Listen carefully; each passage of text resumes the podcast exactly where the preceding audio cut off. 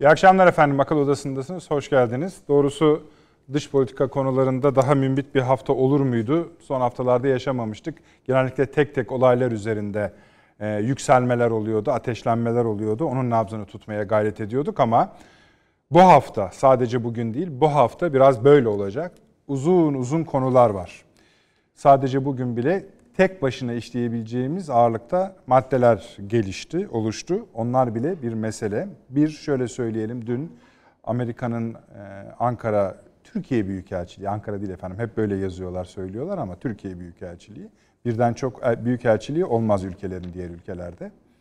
Sevil haritasının yani şöyle söyleyelim Sevil haritasını yırttı. Kendisi yırtmakla kalmadı. Ee, ABD, Avrupa Birliği de bu Sevil haritası konusunda böyle düşünüyor dedi. Bizi de düşündürdü. Yani ne demek istiyorsun? Yani böyle bir jest yaptı. Bu ucuz bir jest ama kıymetli bir jest. Bunun anlamını biraz konuşacağız bu akşam. Biliyorsunuz 24'ünde, 22'sinden başlayarak 24'ünde bugün ön çalışmaları vardı. 24'ünde resmi boyut kazanarak devam edecek iki gün daha. Avrupa Birliği Liderler Zirvesi vardı. Pazartesi günü yani dün Avrupa Birliği Dışişleri Bakanları bunun ön çalışmalarını yaptılar. Tabii ki Türkiye ilk madde olacak, Orta Doğu krizi ilk madde olacak. Ama Dışişleri Bakanları toplantısından gördük ki e, Avrupa Birliği'nde bir savrulma, savrulma var. Yani savrulma dediğimiz fikir ayrılıkları var. İyidir öyle olsun. Avrupa Birliği liderleri zirvesine de bunun yansıyacağı tahmin ediliyor ama bu akşam bunun perde arkasına pek konuşulmayan noktalarına değinmeye gayret edeceğiz. Tabii oraya kadar giderken yani 24'üne giden yolda da Türkiye'nin, Ankara'nın seri görüşmeleri oluyor.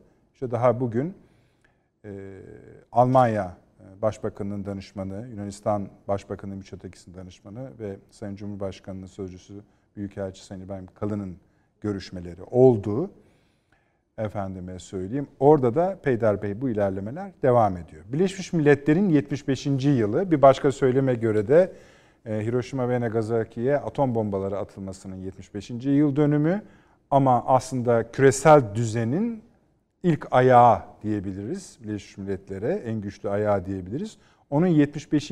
yılı hem onun vesilesiyle hem de açılış vesilesiyle Sayın Cumhurbaşkanı e, ilk defa da bir Türk Birleşmiş Milletler Genel Kurulu Başkanı'nın nezaretinde öyle söyleyelim gururlanarak Sayın Cumhurbaşkanı da bir konuşma yaptı. Hemen her şeye değindi. Bizim gündemimizde olan. Doğu Akdeniz'i söyledi, Irak'ı söyledi, Libya'yı söyledi, İran'ı söyledi, söyledi, söyledi. Genel olarak itiraz, dünya düzenine ilişkin itirazlarını da yeniledi. Bu Birleşmiş Milletler ve Birleşmiş Milletler Genel Kurulu reforme edilmelidir dedi. Buna ısrarını devam ettirdi. Bu düzen bu şekilde gitmez dedi. Ben tabii mealen söylüyorum. Dünya beşten büyük türü bir üst başlık olarak söyledi. Bunun altında yeniden yapılanmalıdır. İşte gördük dedi salgın vesilesiyle, ekonomik krizler vesilesiyle, çatışmaların artması vesilesiyle siz dedi bu işi yapamıyorsunuz. Yapamadığınız için de bunların reforme edilmesi gerekiyor dedi. Biraz o konuşmanın detaylarına bakacağız. Dediğimiz gibi her şeye değindi. Efendim tabii bunları konuşuyoruz. İki tane kırmızı alarm noktası var. Bunlardan birisi Libya'dır. Libya'da Türkiye'nin pozisyonu, yeni gelişmeler, e, yeni işbirlikleri, yeni ittifak ve cepheler konusunda konuşmamız gerekiyor. Çünkü orada kimi görüşlere göre daralan bir alan var, kimi görüşlere göre de biraz zorlanan yani her şey yolunda diyen yok. Ama bu yeni konjonktüründe bir tarif edilmesi gerekiyor. İkinci alarm noktası kesinlikle İdlib. İdlib alev aldı alacak ağırlığında. Ayrıca başka tırnak içinde söylüyorum pis gelişmeler de var. Bunların başında da Jeffrey geliyor. Hem Suriye'nin e, doğusunda, kuzey doğusunda hem de Kuzey Irak'ta bir yapılanmayı, bir yapılanma dediğimiz efendim terör devleti tamamlamaya gayret ediyor. Yani neredeyse ilan edecek o halde. E, buna ilişkin de bölgedeki bütün yapıların bir tercih göstermesi gerekiyor. Ona da muhakkak değineceğiz. Bu çünkü önemli bir konu.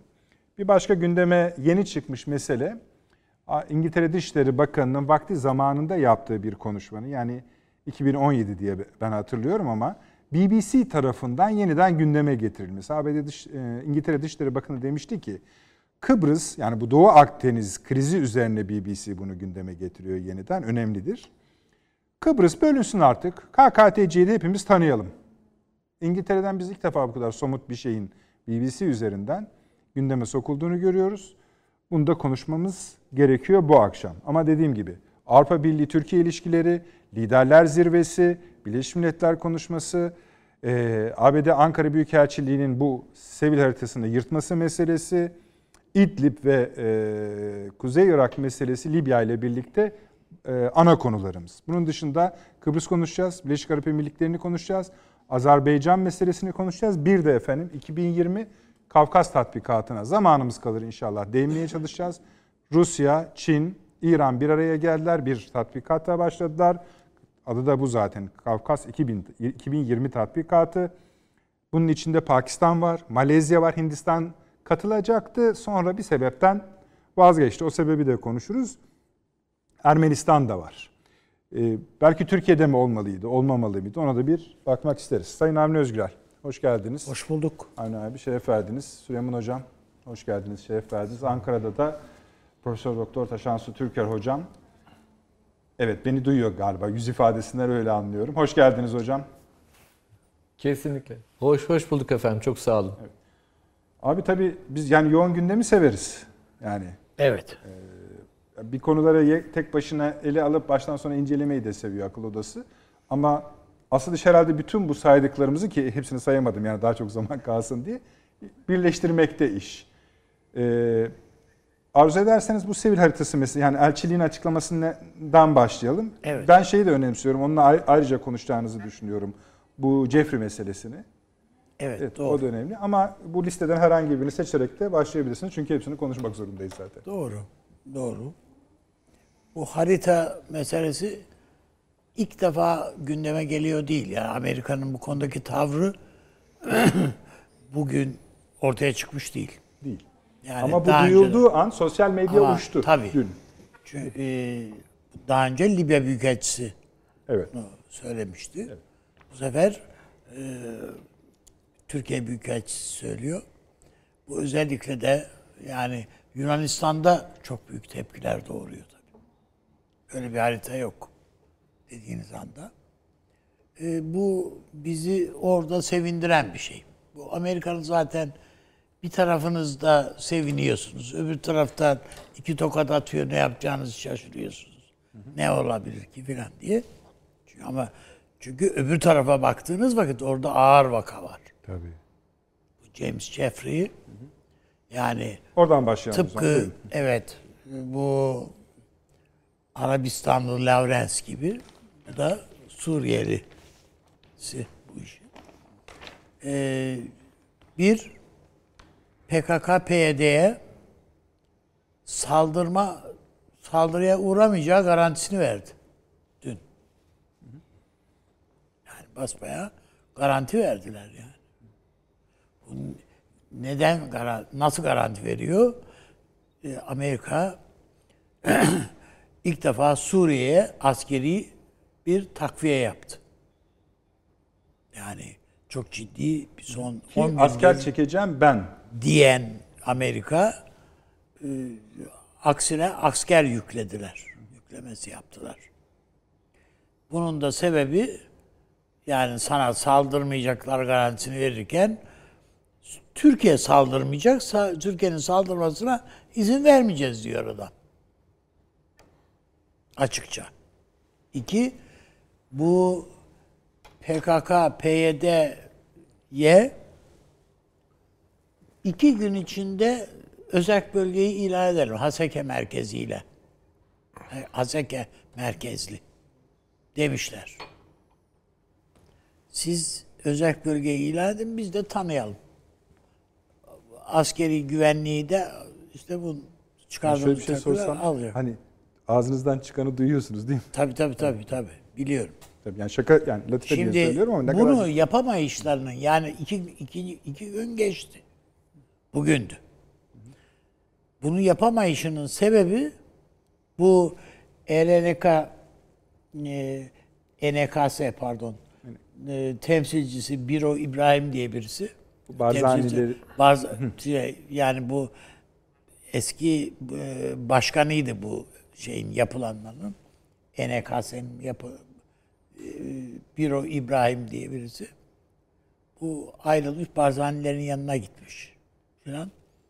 Bu beş madde açıkladı. Nasıl ev- evet deriz bu özel bölgeye diye. Öyle bir beş madde ki bu. Yani PKK, PYD'yi çekin alın buradan. Biz de özel bölgeye evet diyelim diyor. Yani Amerika'ya diyor ki senin dediğine ben imza atmam. Erbil'e mecburen Jeffrey gitmek zorunda kaldı. Bunları üzerine baskı yapın. Bunlar evet desinler diye.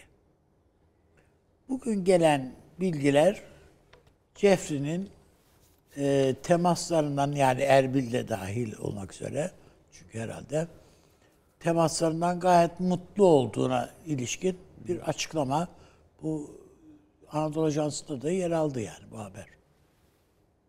Mutluluğu mu? Mutluluğu evet öyle di- diyor kendisi diyor. Yani temaslarımdan, görüşmelerimden gayet mutlu ayrıldım diyor. Bir de Ama şey, dediğim bize gibi yani- ziyarete gelmişti hatırlıyorsunuz. Evet evet zaten önce Türkiye'ye geliyor buradan gidiyor oraya filan filan. Yani e, ama dediğim gibi iki gün içinde açıklıyoruz diye geldiydi bilgi. Biz de gazetede filan kullandık. Ondan sonra ama bugün o iki, iki gün doldu. Açıklayamadığına göre nedendir acaba dedik. O takip ederken Erbil'e, Erbil'de işte bu e, NKS'nin başkanı ile yapılan görüşmede e, arzu ettiği garanti şey, destek verilmedi kendisine. Bundan kaynaklanıyor. Ama tabii bu Türkiye'nin müteyakkız olmasına olması gereğini ortadan kaldırmıyor yani.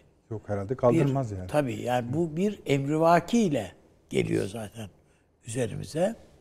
Dolayısıyla e, PD e, ya PKK ile e, şey e, bu NKS diye birbirleriyle anlaştılar deniliyordu. O şey üzerinden anlaşmışlar. Yani bö- bölgenin yüzde 60'ı bizim, yüzde 40'ı sizin diye. Sonra PKK yüzde 70'i bizim, yüzde 30'u sizin demiş. Ana ben onu bilmem. Az daha bu adamlar devlet mi ilan ediyorlar? Evet evet işte yani o yani işte özel Ve de Amerika'da tanıyacak. Tabii. Ve petrolü de paza, pa- paylaşmışlar. Bölgedeki Haseke merkezli olacak bu özel bölge. Evet. Bunu da belirlemişler. Orada hatta bir parlamento binası filan gibi bir şeyler filan da çözümüne e, eskiden belediye binasıymış şimdi meclis binası falan olacakmış filan filan diye. Bu gerçekleşir mi derseniz yani adamlar bu kararlılıktalar. Askeri yığınan sebebi bu. Amerikan Yani işte askeri yığınağı. Trump giderse falan diye mi bu kadar hani bir anda? Ha, bu yani bu herhalde Amerika'nın bir devlet siyaseti var. Onu götürüyorlar adamlar. Tamam da abi bu sen bunu Trump- ilan ettiğinin ertesi günü oraya girer Türk Silahlı Kuvvetleri yani bu. acaba. Acaba. Peki. Bir de bu var Bu tabii. ciddi bir konu. Yani biz hani e, sıcak gelişmeyi Akdeniz'de, Kıbrıs'ta, işte e, adalarda falan bekler iken burada bana göre bıçak sırtı bir konu. Tablo var. Yani şey de öyle, Suriye'nin kendisi de öyle. İdlib'de Tabii de tabii sorun tabii var. tabii. Yani burada çünkü artık e, hani zurnanın zıt dediği yere gelindi. Yani çünkü bu tabloda artık Esed açısından da son kart oynanıyor. E, Neçirvan filan da Ankara'ya taahhütte bulundular Evet. zaten. O da yeni geldi. işte. O, o tabii canım öyle yani. Dolayısıyla e, ne kadar Jeffrey baskı yaparsa yapsın e, Kürt yönetiminin, Irak Kürt yönetiminin bu Suriye'deki gruplar üzerine Türkiye aleyhine bir baskı yapması e, söz konusu bile değil. Onun için e, bir takım peşmergelerin gitmesi bu Rojava üzerinden falan e, düşünülüyordu. Bunu istemişlerdi. O olur mu olmaz mı onu da bilmiyoruz. Ama Amerika'nın parayı da yığdığı söyleniyor. Askeri zaten bu kadar şey Bugün. getirdiğine göre evet. Evet. Bugün Peki. parayı da yığdığı söyleniyor. Yani Su, İd- Bana göre bu konu- şu anda elimizdeki, önümüzdeki sıkıntılı tablo budur. Bence ileri ilerleyen dakikalarda Suriye İdlib'i konuşurken bir daha gelelim buraya. Evet öyle. Peki. Süleyman Hocam, e, Sevil haritası oradan başlayabilirsiniz lütfen.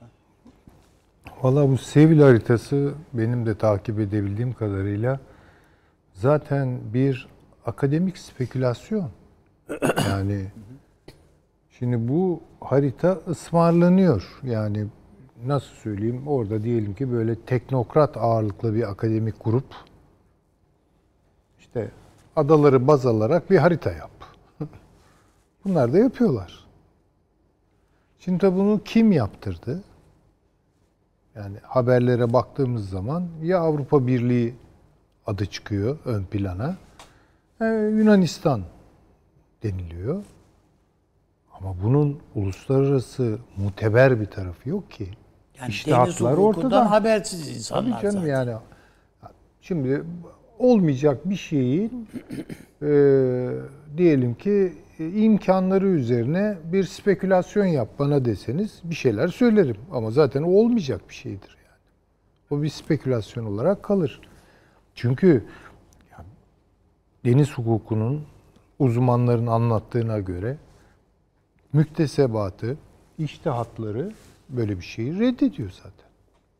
Yani bir kere biz de biraz fazla bence panikledik bu mesele karşısında. Sevil haritası konusu. Evet yani. Çünkü bu işin uzmanları bunu ciddiye bile almadılar. Yani ciddiye bile almadılar. Ama böyle bir diyelim ki hava Ben estirildi. hatırlıyorum e, Yaycı Amiral'in bazı programlarda bunun Avrupa Birliği'nin kimi kurum kuruluşlarında zaman zaman kullanıldığına ilişkin şeyi vardı. Bu, bir bu hani- sahada bir karşılığı var mı? Yok o ayrı bir şey. Bitti zaten yani. Çünkü nelere bakılır? Genel normlara bakılır. Usullere bakılır.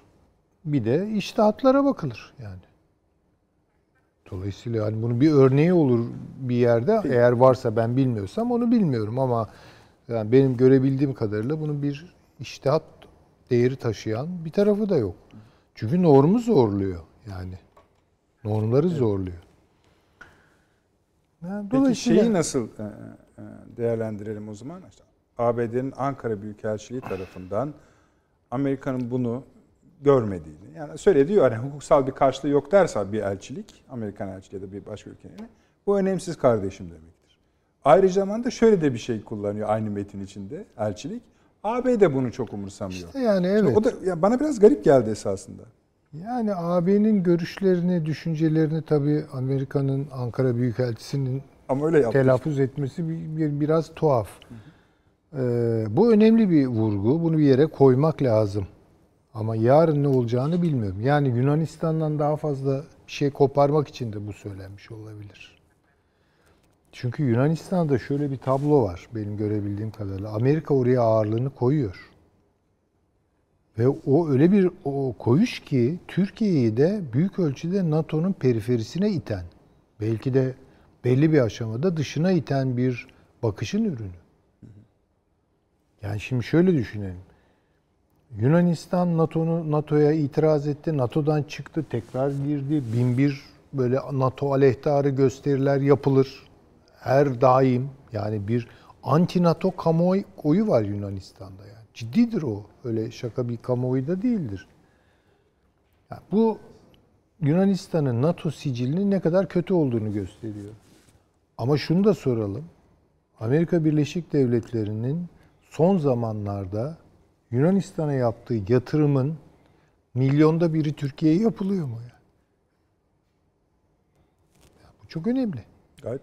Ha, bizde de Amerika'ya karşı e, hisleri olan kamuoyunun büyümesi Amerika'nın bu davranışlarına bağlı. Yoksa Türk Türkiye'deki kamuoyu anti-Amerikan değildi ki. Zorla anti-Amerikan hale getirildi. Oysa Yunanistan öyle değil. Yunanistan'da daha diri bir anti Amerikan. Ta albaylar juntasıdır işte efendim söyleyeyim evveliyatı İkinci da var. Dünya Savaşı'ndan beri var. Vardır esasında. yani, Yani- Yunanistan'da çok ciddi bir Almanya'dan kurtulduğuna bile şey, tadı- keyfini çıkaramadılar. ya hatta bir Avrupa Birliği yani daha bir anti emperyalist e, şeyi olan e, ne bileyim e, kararlılığı olan bir genellikle de sol sayabileceğimiz bir kamuoyu var orada. Şimdi artık solu sol, sağı da aşmıştır. Şimdi bu çok ilginç. Yani şimdi Yunanistan'ı zorluyor Amerika Birleşik Devletleri. Yunanistan'da açmazlar da ve büyük ölçüde evet diyor ama belki bazı pürüzler çıkarıyor Amerika'ya bilemiyorum yani.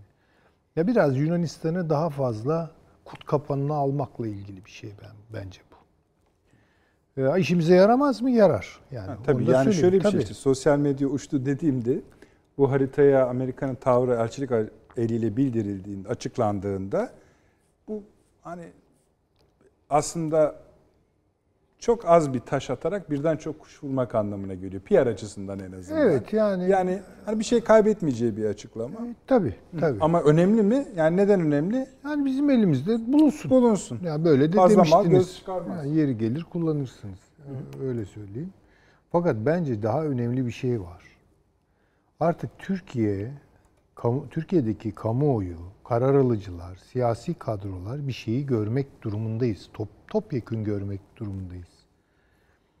Amerika Birleşik Devletleri ve İsrail'in Türkiye aleyhtarı siyasetleri keskinleşiyor. Yani bu bu açık. Yani Şimdi senin- burada Büyükelçi öyle dedi biraz hoşumuza gitti. Sanki Türkiye'yi kolluyor, koruyor falan. Halbuki Ha şunu da söyleyebiliriz. Yani- Şimdi iki gün sonra liderler zirvesi var. Bu açıklama oraya da Amerika'nın bakış açısını yansıtacaktır. Etkiler etkilemez bilmeyiz. Canım, Onlar kendi çok işlerini- önemli değil. Yani şöyle de çok sıkışırlarsa valla bu Büyükelçinin e, bir değerlendirmesi resmi Ama en azından bir şunu sağlayabilir mi hocam sizce? Yunanistan şimdi bu sancılı bir şekilde gidiyor şeye. Tabii Yunanistan'ın durumu kötü. Ya o O, o açık. Avrupa Birliği zirvesine. Bu orada lan Amerika bile bunu böyle görüyor. Bilmem Göreceğiz ne böyle. öyle. Yani Söylenir biraz daha tabii böyle bunlar. Tabii edepli söylenir. ol, oturmaya Zaten ikna et, zorlayabilir mi Yunanistan? yani Yunanistan hakikaten biraz ucuz bir şey Süleyman Hocam ne olur unutmayın. Hani şey de diyor ya Avrupa Birliği de öyle düşünüyor diyor. Şimdi Avrupa Birliği'nin yerinde ya olsun. bu Ha, bilmiyorum tabii ben birebir met, metin o, o yani bu o kadar Yani bir şey değil zaten. o kadar- Yani o kadar bence- Satır arası okunacak bir metin değil. yani evet Amerika bizi sevince de bu kadar e, mutlu olmanın da bir alemi yok, yok, yani. evet. Yani Çünkü arkasından ne geleceğini de bilmezsiniz o işlerin. Dolayısıyla bence esas e, hani moda tabirle büyük fotoğrafı görmek durumundayız süreçsel olarak. Bakın bu şeye de yansıyor. Türkiye'de kamuoyunun Amerikan seçimlerine ilişkin değerlendirmelerine de yansıyor. Yani biliyoruz ki Biden gelirse Türkiye'ye böyle bodoslama gidecek. Yani tamam bunu biliyoruz. Ha, İşte Trump biraz daha Türkiye'ye karşı mutedil. Çok başka bir Trump çıkabilir karşımıza. Çünkü bir plan işliyor. Bir plan işliyor. Ve bu İsrail'le birlikte. İsrail'le birlikte işliyor. Cumhurbaşkanı da değindi ona. Hah, yani ben şeyi bilemiyorum ama bunu bir kere görmek zorundayız. Esas mesele bu. Şimdi Türkiye burada ne yapacak? Yani hangi yeni ilişkiler kuracak? Gerekirse hangi yeni ittifaklar kuracak? Şöyle Bence bunları. On- yani hepsi ağırlıklı olarak var da bu sevilden bir kurtulmak istiyorum. ha Sevil'le ilgili yani Taşans Hocam'a da soralım. tabii, İşte tabii. Hemen sizin bahsettiğiniz konulara dönelim. Taşans Hocam siz bu e, Amerikan Elçiliği'nin. Sevil haritası üzerine yaptığı açıklamayı nasıl değerlendiriyorsunuz? Şeye de girebilirsiniz. E, bu Avni Bey'in e, bahis ettiği hani bu Jeffrey'in burada yeni bir oluşum. Sizin ben biliyorum Suriye özelinde, İdlib özelinde başka kaygılarınız da var ama işte bununla birleşince iş tablo biraz daha garipleşiyor. Tehlikeli bir hal alıyor. Ona da değinirseniz yine Evet. dönüşte Süleyman Hoca ile devam edeceğim. Şimdi bu e, seviye haritası hakkındaki Amerikan Büyükelçiliği e, kaynaklı Twitter kaynaklı açıklama hususunda şunu söylemek isterim. Yani genelde Türk-Amerikan ilişkilerinde e, bir şey rekabet olduğu belli. E, rekabet derken bir al-ver ilişkisi içinde olunduğu belli.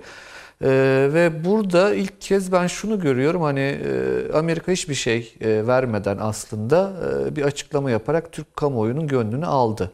Şimdi bu neden hiçbir şey vermeyerek diyorum? Çünkü seviye haritası diye bir şey gerçekten var mıydı? Bu ciddi bir sorudur. Yani e, öyle diyor ya şair ne kadınlar sevdim aslında yoktular. E, ne haritalar çizdiler Orayı ama da aslında yoktular. Yani ee, e, Şimdi dolayısıyla bu harita hususunda e, biz hani Türkler olarak bir şeyimiz var tabii.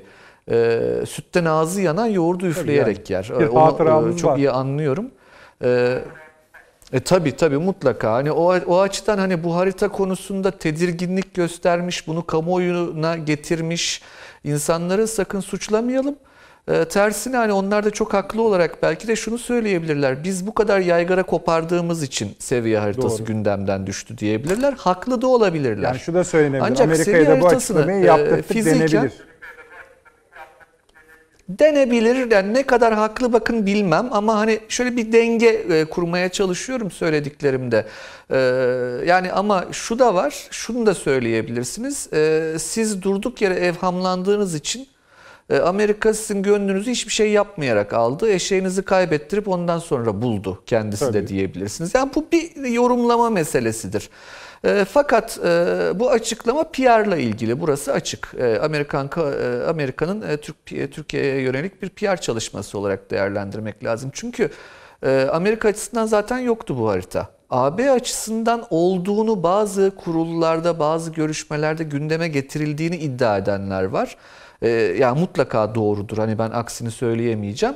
E, fakat şunu bir ayırmamız gerekiyor zannediyorum. Şimdi şöyle sorayım size. Sultanahmet mitingleri çok büyük mitinglerdi bence. Yani o halde adamını halde edip Adavar'ın oradaki o büyük açıklamaları vesaire vardır. İşgale karşı direniş Türkiye e, Türkiye'nin Kurtuluş Savaşı'nın hemen arifesinde.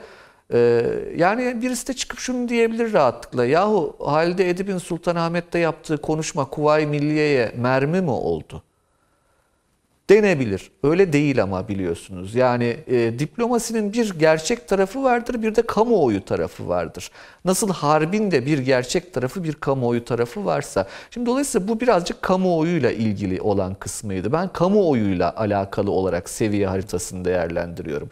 Diplomatik anlamda bir karşılığı zaten e, hiçbir zaman e, olmadı diye düşünüyorum. E, o anlamda hani zaten çizilen harita e, hani bu yap, akademisyenler bunu çizen akademisyenler de Seviye Üniversitesi'nde açıkladılar. Yani bu bir e, beyin jimnastiği ama dediğim gibi hani çok rahatlıkla şu da iddia edilebilir. Ya kardeşim bu milletin o kadar çok sütten ağzı yandı ki öyle beyin jimnastiği vesaire e, bunun arkası başka türlü gelir. E, bu da belki doğrudur bilmiyorum ama e, işin açıkçası çok önemsemiyorum. Benim burada önemsediğim gerçek diplomasi alanında bizim Türkiye Cumhuriyeti Dışişleri Bakanlığı'nın yaptığı açıklamalar, resmi yetkili ağızlarımızın, Dışişleri Bakanı, Cumhurbaşkanı gibi e, ağızlarımızın yaptığı açıklamalar ve karşı taraftan özellikle Yunanistan'dan gelen açıklamalar.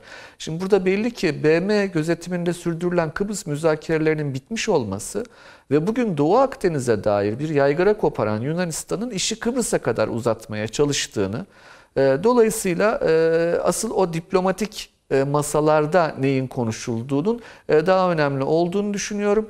Ee, bazen de hani gerçekten Türkiye kamuoyunun da böyle bir duygusal tarafı var. Ee, belki de hani gereğinden fazlaca e, taleplerde de bulunulmuştur Türkiye'ye dair ama Türkiye tarafında da gereğinden fazlaca kaygılanılmış olabilir herhalde e, bu seviye haritasına dair. Peki.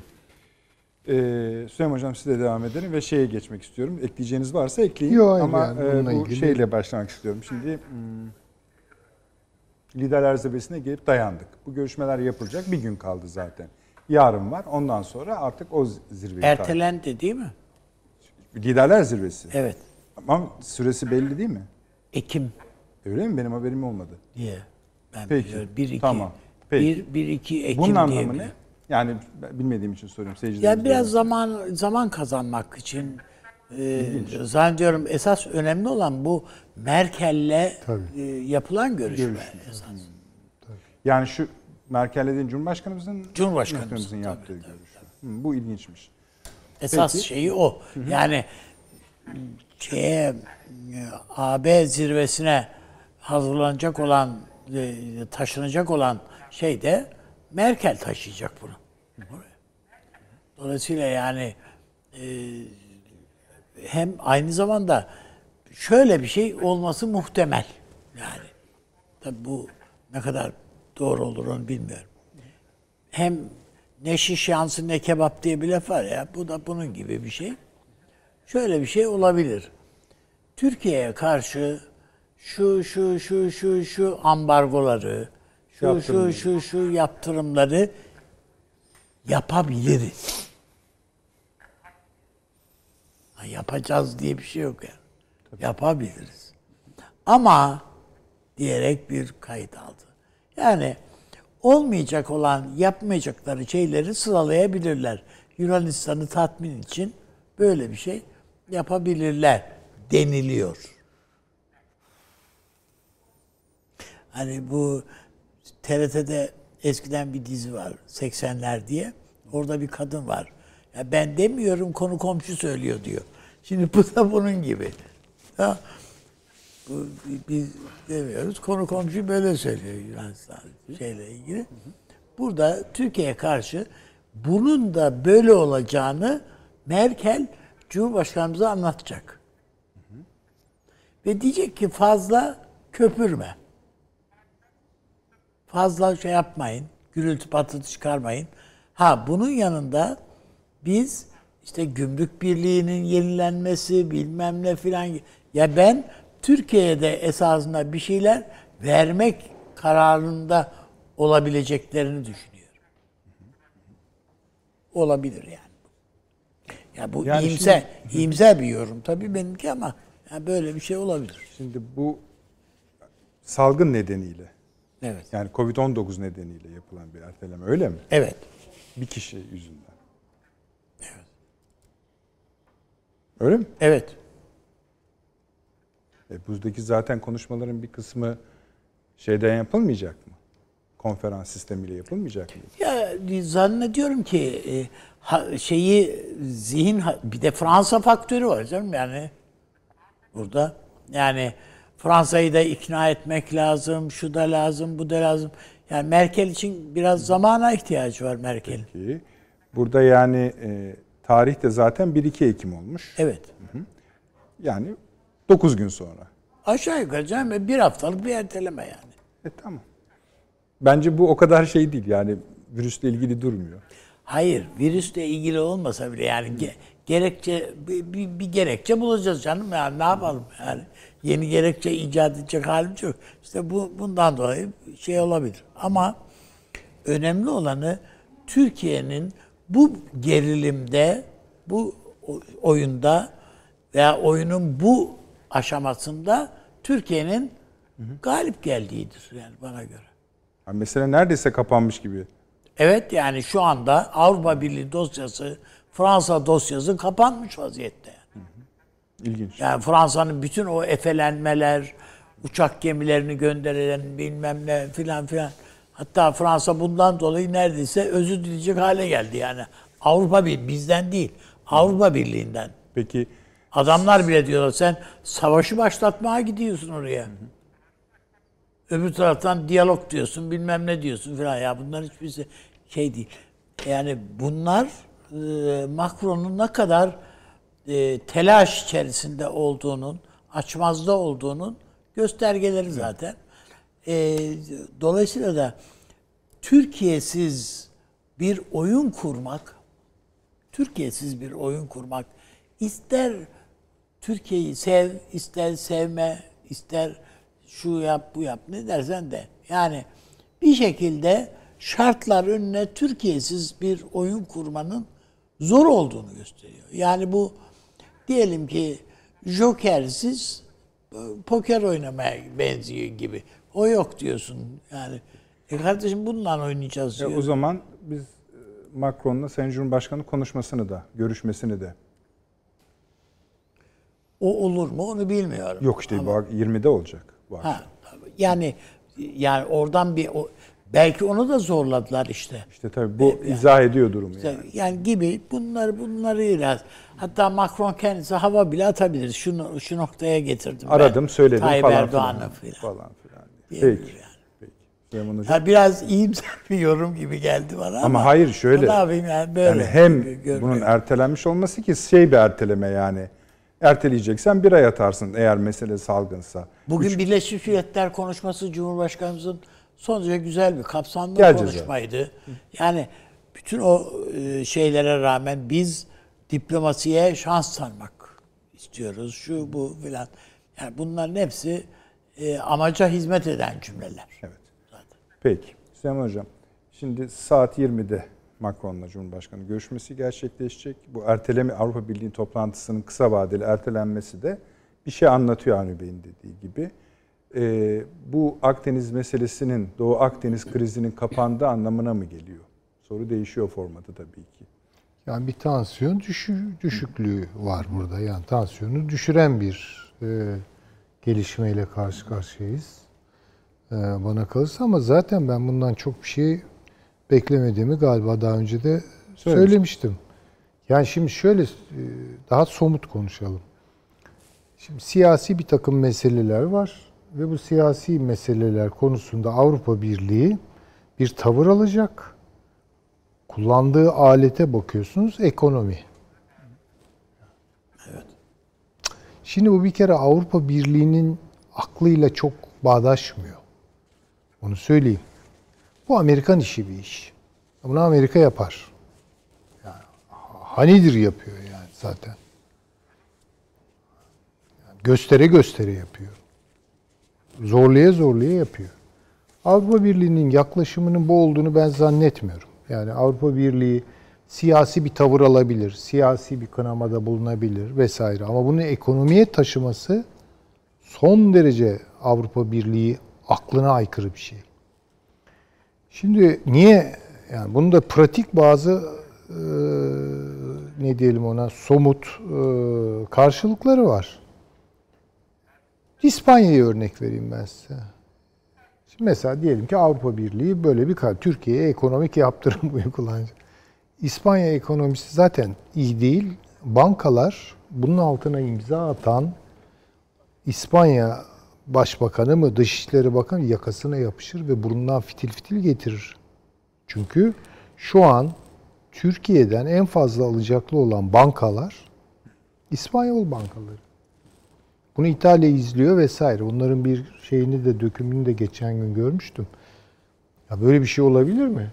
Yani Türkiye'yi ekonomik olarak çökerterek Avrupa Birliği ne kazanacak? Ekonomik olarak kendisi de Avrupa en az Türkiye kadar kaybedecek. Avrupa Ekonomik. Hatta evet Ya ama işte o ayrı bir mantalitesi var onun yani ekonomiyi alet gibi kullanmak, siyasete alet etmek gibi bir şey adamların pek şeylerinde yok. Evet öyle.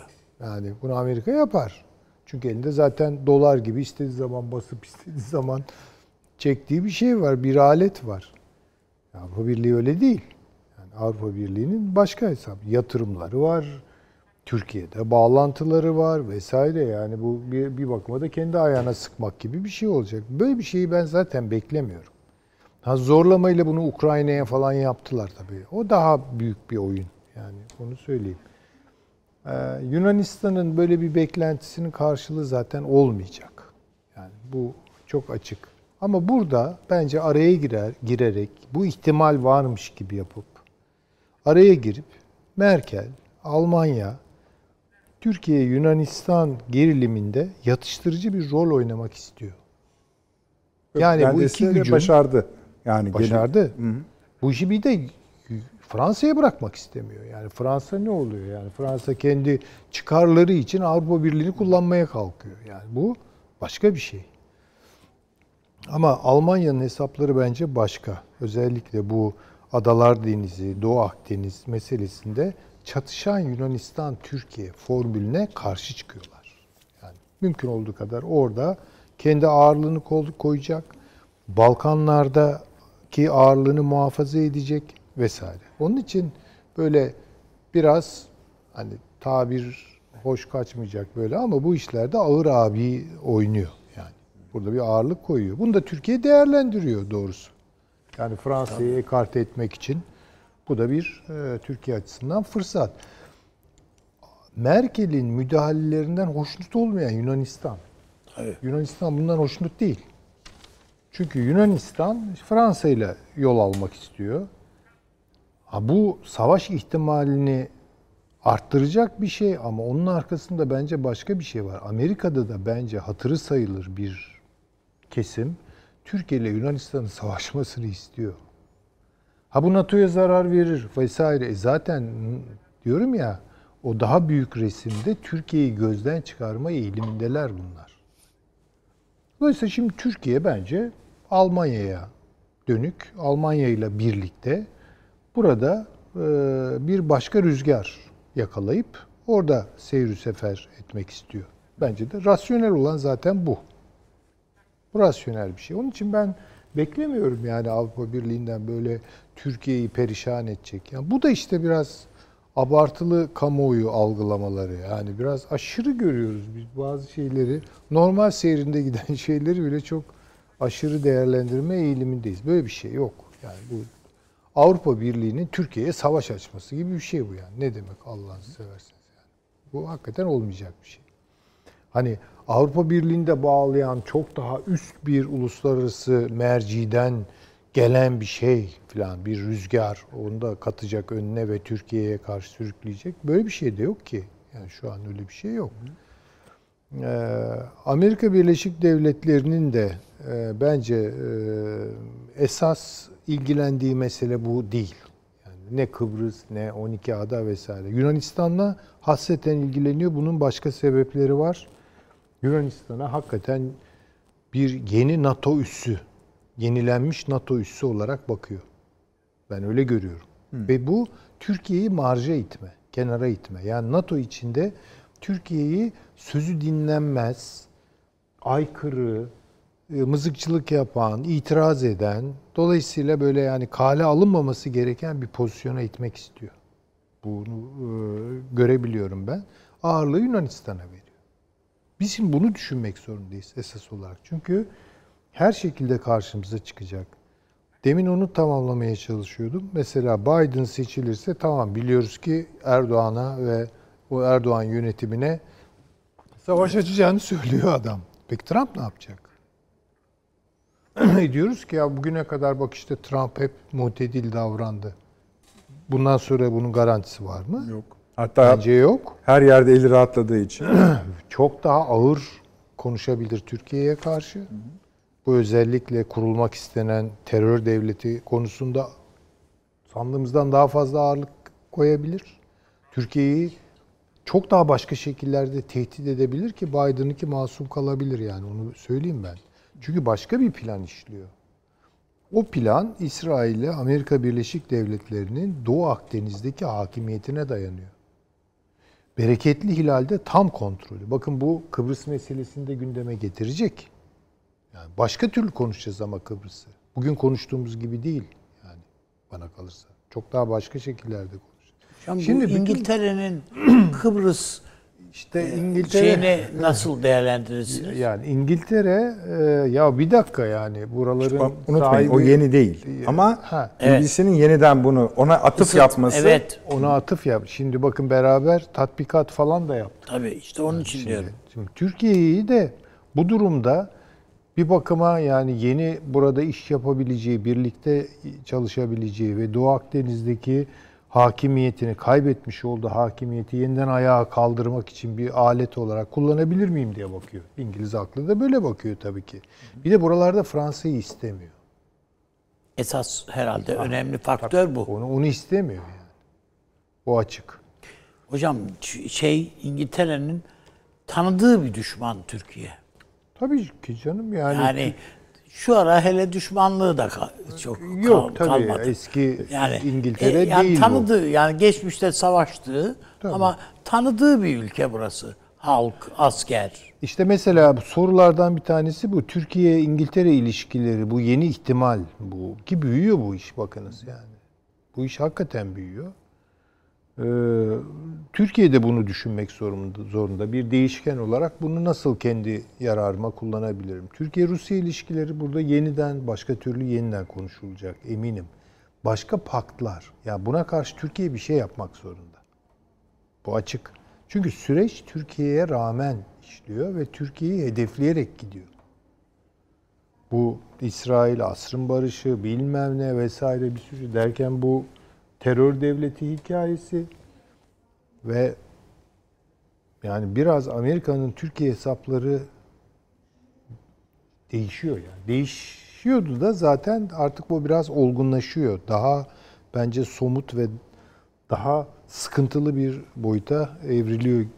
Ama bu hocam herhalde şöyle bir şey yani Amerika'nın hesapları olmaktan öte İsrail'in de hesapları bu. Tabii ama yani, Yani şu tek değişmeyecek. başına Amerika böyle çok Türkiye aleyhtarlığı keyfinden dolayı yaptığı falan değil yani. Değil ama İsrail'in işte- de işine gelen bu bu siyaset. Tabii ama yani sayıları kimilerine göre 30 milyon, kimilerine göre 50 milyon bilemiyorum. Seçmen sayısı itibariyle çok ciddi bir oy potansiyeli bunu Tabii istiyor. hocam o doğru. Evet biraz önce de e, Sayın Cumhurbaşkanımızla Macron arasındaki görüşme gerçekleşti. Buna ilişkin detaylar geldiği zaman biz de sizinle paylaşacağız efendim. Esasında bütün e, krizin tepe noktası sayabiliriz ya da hani o zirve aşıldı aşağı doğru eteğe doğru inen bir görüşme. Yani 10 gün Bunun- önce Macron Cumhurbaşkanımızı arayacak böyle görüşecekler deseler yani Zordu. e, inanmazdık buna. Bir yandan işte e, karşı yani Türkiye Yunanistan arasındaki e, görüşmelerin bir düzene girmesi hem Avrupa Birliği hem NATO aracılığıyla hem de Avrupa Birliği ülkelerinin Türkiye'ye yönelik bir şey yapma gayretlerinin aslında çok kendileri açısından tutarlı olmaması ve kendilerini bunu takip etmemeleri zaten. Nihayet Avrupa Birliği toplantısının bir 10 gün ertelenmesi ve Macron görüşmesi bu krizin sönümlenmeye başladığına ilişkin kuvvetli işaretler veriyor. Çünkü Almanya bastırdı Güzel. ve bu sonucu... Bunların arasında da yani bütün bu e, tezgah kuran öyle söyleyelim. Almanya. Berlin olduğu anlaşılıyor. Gel gelelim dertler bitmiyor. O işler başka. Başka problemlerimiz var ve bunlarla da bağlantılı. Ama Taşan Hoca'dan da bu Avrupa Birliği zirvesi, artı ertelenmesi, artı Avrupa Birliği ülkelerinin bir yaptırım çıkarıp çıkarmayacakları konusunun artık kapanıp kapanmadığı, Frans e, Macron Sayın Cumhurbaşkanı görüşmesi ve Berlin'in ağırlığı konusundaki görüşlerini bir alalım. Ee, Aslında efendim burada e, söylenmesi gereken çok şey var tabii. Yani e, Macron'dan başlamak gerek zannediyorum. E, 1990'lı yıllarda bir Türk filmi vardı. Ben e, hat- hat- se- sevgili seyircilerimiz de hatırlayacaktır herhalde. Kahpe Bizans diye bir Türk filmi. Mehmet Ali Erbil ile Cem Davran e, hatta müthiş bir oyunculuk başarısı sergilemişlerdi o filmde. Çok sevdiğim bir sahne vardır benim. Ya diyor bu çok büyük bir kale diyor. Nasıl diyor gireceğiz buraya? Nasıl yapacağız diyor. Cem Davran da ortaya bir testi koyuyor. Bak diyor bu kale müthiş bir planım var. Şimdi ben buna bir tekme atarım. Bak yıkıldı gitti. Şimdi Macron'un Doğu Akdeniz planları biraz o Cem Davran'ın o filmdeki planları gibiydi. Yani bak bir vururum yıkılır gider. Ee, çünkü gerçekten önü arkası yoktu. Şimdi bu e, bu işler ilk konuşulmaya başlandığı zaman da bunları söylediğimizde hatta böyle ben e, şey eleştirilerini duyduğumda hatırlıyorum e, hasmane bulunmuştu söylediklerimiz. Yani öyle değil. Kesinlikle hani olanı söylemeye çaba gösteriyorum ben. Şimdi orada Macron'un plansızlığı nereye tosladı? Peki ne oldu da Macron e, Sayın Cumhurbaşkanı'yla görüşme ihtiyacı duydu? Ne oldu da Macron e, bu işlerden geri adım atmak zorunda kaldı? O Türkçe tweet nasıl atıldı Macron tarafından? Şimdi orada baktığımızda birincisi e, bunu hep söylüyoruz. Macron kendince Fransa'nın Avrupa'nın aklı olduğu e, inancını tüm Avrupa'ya e, dikte edebileceği gibi bir yanılgıya kapıldı. Halbuki orada Almanya var. Yani o kadar basit bir iş değil bu. İkincisi kendisinin bir Akdeniz ülkesi olduğunu ve diğer Akdeniz ülkelerinin de mecburen arkasında hizalanacaklarına inandı. Halbuki Korsika Adası'nda yapılan toplantıda Medyeli zirvesinde de bununla karşılaşmıştı zaten. Şimdi bir Akdeniz'den e, istediği cevabı alamadı. İki, Doğu Avrupa çerçevesinde Almanya'nın engeliyle karşılaştı. Şimdi burada peki neden, hesabı neydi bunların diye bakalım. Şöyle bir güney hattına baktığımızda Avrupa'nın İspanya'nın özellikle e, Fransa ile ciddi sorunları var. İtalya'nın Fransa ile sorunları var. Malta'nın İngiltere bağlantısı üzerinden Fransa ile sorunları var. E, dolayısıyla burada bu istediği desteği bulma şansı çok çok zayıftı. Almanya peki neden peşine takılmıyor Macron diye baktığımızda birincisi Türkiye'nin ekonomik gücü. İkincisi Türkiye'nin elindeki göç kartı. Yani göç konusunda Avrupa'yı e, gerçekten e, iyi, iyi, başarılı bir şekilde sıkıştırabilecek olduğunu açık açık ifade etmiş olması. Üçüncüsü stratejik gereklilikler. Şimdi bakın burada Macron'un e, daha da kötü bir duruma düşme ihtimali vardır. Bu sefer AB dışından büyük abi olan Amerika'nın bile Macron'un kulağını çekeceğini düşünebiliriz. Şu çerçevede Güney Kıbrıs Rum kesiminin e, Belarus'a uygulanacak olan yaptırımları bloke ettiğini biliyoruz. Lavrov hatırlayacaksınız Güney Kıbrıs Rum kesimini ziyaret etmişti geçen haftalarda. Ve Avrupa Birliği'nin şu an Belarus'a yaptırım uygulamak için elinden gelen her şeyi yaptığını biliyoruz özellikle Almanya'nın. Ama Fransa Güney Kıbrıs Rum kesimi aracılığıyla bu yaptırımları engelliyor. Bakın bunlar kızgınlık yaratır. Yani sadece Almanya açısından değil Amerika açısından da kızgınlık yaratabilecek şeylerdir. Şimdi daha önce bir de işin teknik kısmına bakacak olursak geçen hafta Avrupa Parlamentosu'ndan bir hocam. karar çıktı biliyorsunuz. Bir de ezici bir çoğunluktaydı karar. Buyurun. Bir 30 saniyenizi alacağım. Sonra devam edeceksiniz. Estağfurullah ee, buyurunuz. İletişim Başkanlığı'ndan bir açıklama yapıldı efendim. Ee, Fransa Cumhurbaşkanı Emmanuel Macron'dan gelen talep üzerine gerçekleşen görüşmede Türkiye, Fransa ve Türkiye-Avrupa Birliği ilişkileriyle Doğu Akdeniz başta olmak üzere bölgesel gelişmeler ele alındı. Cumhurbaşkanı Erdoğan görüşmede Doğu Akdeniz'deki gerginliğin sebebinin Türkiye'nin ve Kıbrıs Türklerinin bölgedeki meşru haklarının yok sayılması olduğuna işaret ederek Fransa'nın Yunanistan ve Rum kesiminin gerginliği tırmandıran maksimalist iddia ve adımlarının desteklenmesine anlam veremediğini belirtti. Türkiye'nin kimsenin hakkında gözü olmadığını ancak kendi haklarında kimseye yedirmeyeceğini vurgulayan Cumhurbaşkanı Erdoğan her zaman olduğu gibi bugün de sorunların çözümü için diyalog ve işbirliğini savunduklarını ifade etti. Tansiyonu düşürmek için diplomasi fırsatlarının değerlendirilmesi ve sürdürülebilir müzakere süreçlerinin hayata geçirilmesini gerektiğini belirten Cumhurbaşkanı Erdoğan, tüm sorunları masada konuşmak ve çözmek istediklerini dile getirdi. Cumhurbaşkanı Erdoğan bu süreçte Fransa'dan sağduyulu ve yapıcı bir tutum beklediklerini ifade ederek Türkiye-Fransa arasında istişare ve iletişim mekanizmasının sürekli olarak işletilmesinde fayda gördüğünü kaydetti. Cumhurbaşkanı Erdoğan, Avrupa Birliği Liderler Zirvesi'nden Türkiye'ye ilişkin yapıcı diyalog ve işbirliğini teşvik eden bir yaklaşımın çıkmasının da bölgesel meselelerin çözüm imkanları açısından önemli olduğunu belirtti. Bunu da efendim paylaşmış olduk. Fransa'da muhtemelen bir açıklama yapacaktır. O da geldiği zaman sizlerle paylaşacağız. Taşansı Hocam sizdeyiz. Ee, evet bahsettiğim husus buydu. Yani Macron tarafından görüşme talebinin gelmesi, bunun e, bizim açıklamamızda vurgulanması da önemlidir diye düşünüyorum. Ee, çünkü görüşme talebinin ne taraftan geldiği gerçekten epeyce manedardır bu tarz şeylerde. Şimdi şurada kalmıştım. Avrupa Parlamentosu'nda e, ezici bir çoğunlukla aslında Türkiye'nin çok da hoşuna gitmeyecek bir karar çıktı geçen haftalarda. Hı. Ve biliyorsunuz bağlayıcılığı yoktur parlamentonun e, ancak tavsiye kararı verebilir. E, dün ise yapılan Dışişleri Bakanları Konseyi evet. toplantısında e, gördüğümüz manzara aslında bir sonuca varılamadığı şeklindeydi. Şimdi dört başlık altında karar çıktı dünkü Dışişleri Bakanları toplantısından. Bence önemlidir. E, bu başlıkları bilmek gerekir diye düşünüyorum. Birisi Doğu Akdeniz yani Türk-Yunan gerginliği. İkincisi Libya. Üçüncüsü Belarus. Dördüncüsü ise Lübnan.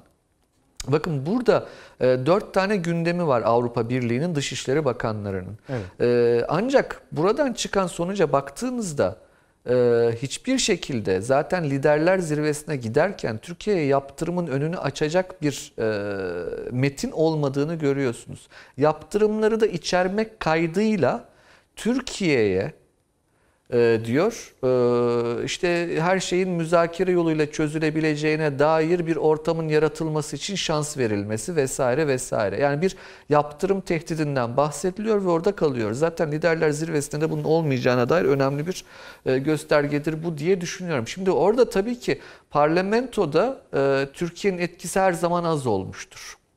Yani çünkü orada lobi yapma, lobi çalışması yapma şansı vesaire azdır Avrupa Parlamentosu'nda ve e, ne yazık ki yani Türkiye'ye dair genel imajın da çok e, hayır hah olmadığını Avrupa Parlamentosu düzeyinde kabul etmemiz gerekir.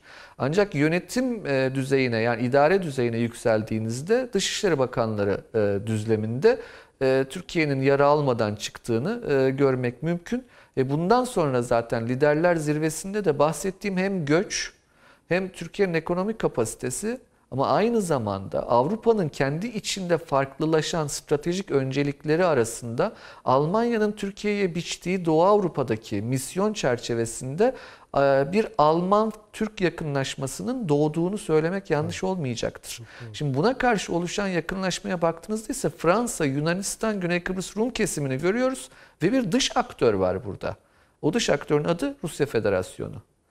Ancak Almanya-Türk yakınlaşmasında da bir dış aktör var. O dış aktörün adı da Amerika Birleşik Devletleri. Yani bir ABD-Almanya-Türkiye hattına karşı bir e, Fransa, Yunanistan, Güney Kıbrıs Rum kesimi Rusya hattı var gibi görünüyor. Bu bugünkü Doğu Akdeniz sorunlarına dair olmak e, olmak üzere.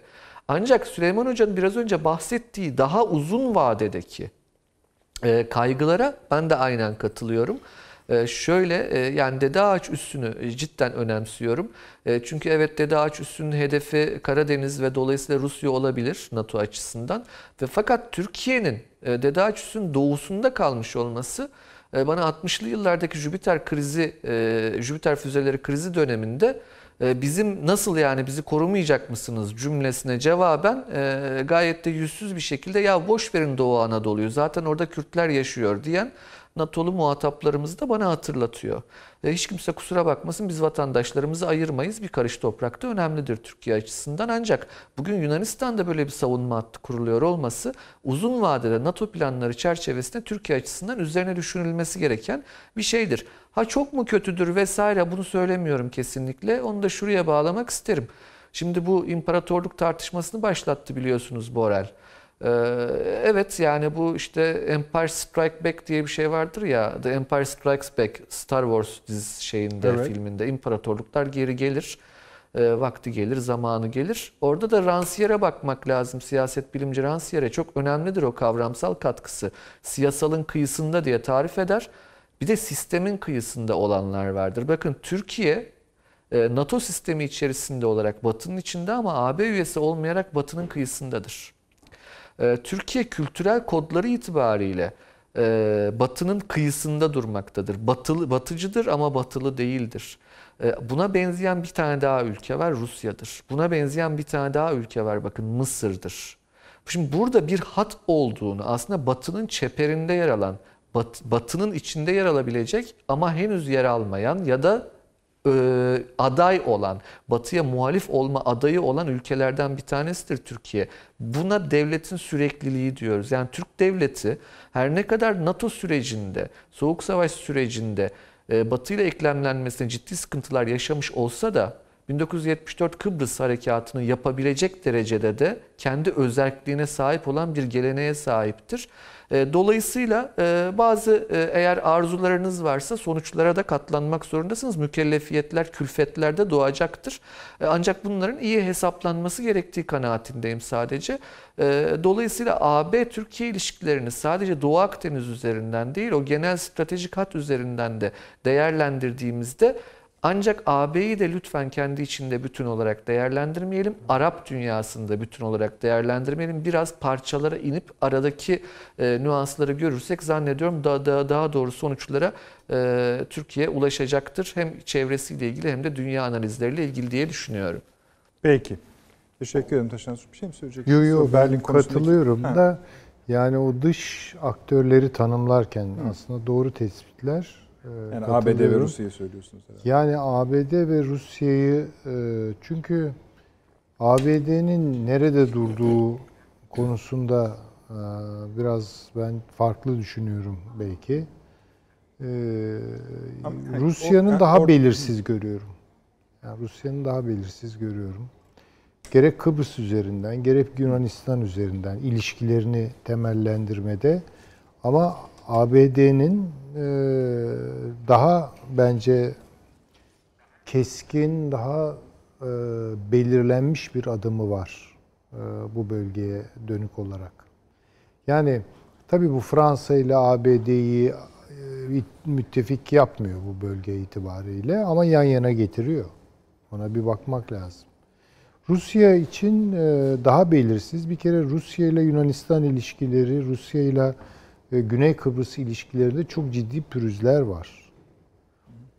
Baya baya pürüzler var. Mesela Lavrov e, çok bence istediğini alabildi mi Güney Kıbrıs'tan onu bilmiyorum.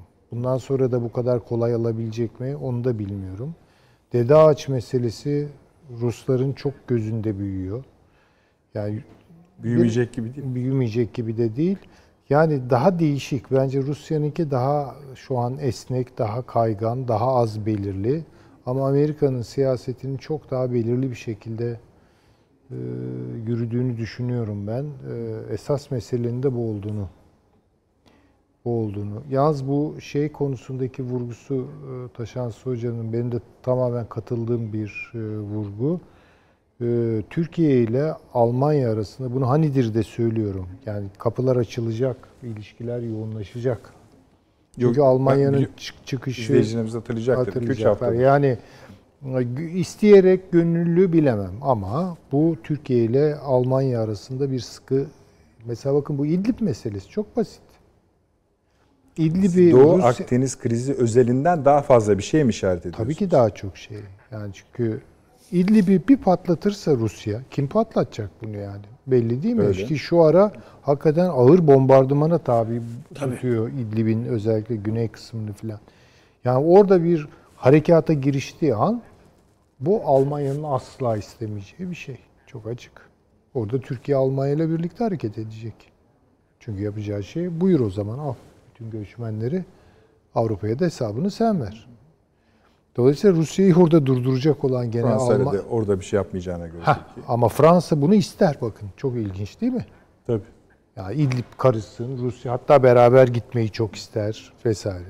Bu akşamki görüşme çok önemli bir görüşme. Çok aslında. önemli Biraz bir görüşme.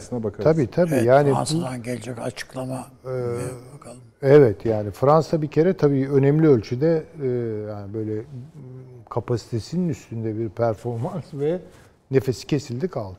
Kaldı. Yani o yani seyircilerimize söyleyeyim yani Fransa'nın isteğiyle Macron'un Sayın Cumhurbaşkanı ile görüşmesi meselesi yani bayağı bir dayak yeme işidir esasında öyle evet, söyleyelim. Evet, Arkası evet. da gelecek diyor konuklarımız. Evet. Tamam hocam? Tabii yani Aynen. yoksa şeye tamamen katılıyorum. Şöyle bir şey var. Ee, dün, bugün veya birkaç gündür hafta sonundan bu yana Yunan basınında ki hava şu. Almanya Birinci Dünya Savaşı'ndaki ortaklığını hatırladı. Buyur. Diyor. Tabii.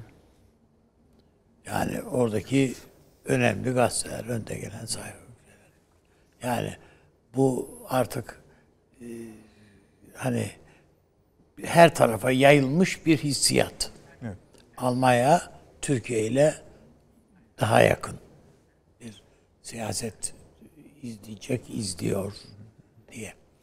Muhtemelen bunun daha böyle ileri hani elle tutulur bir işaretini zirvede göreceğiz. Avrupa Birliği zirvesinde göreceğiz. Ve o aşamada Merkel'in yani o aşamada veya sonrasında Merkel'in çünkü görüşmeye yapan yani Sayın Cumhurbaşkanı ile birlikte o görüşmede şöyle bir tablo var. Yani Avrupa Birliği'nin Dışişleri Bakanı orada. Aynı zamanda değil mi? Yani Dışişleri Sözcüsü dedikleri Dışişleri Bakanı demek o.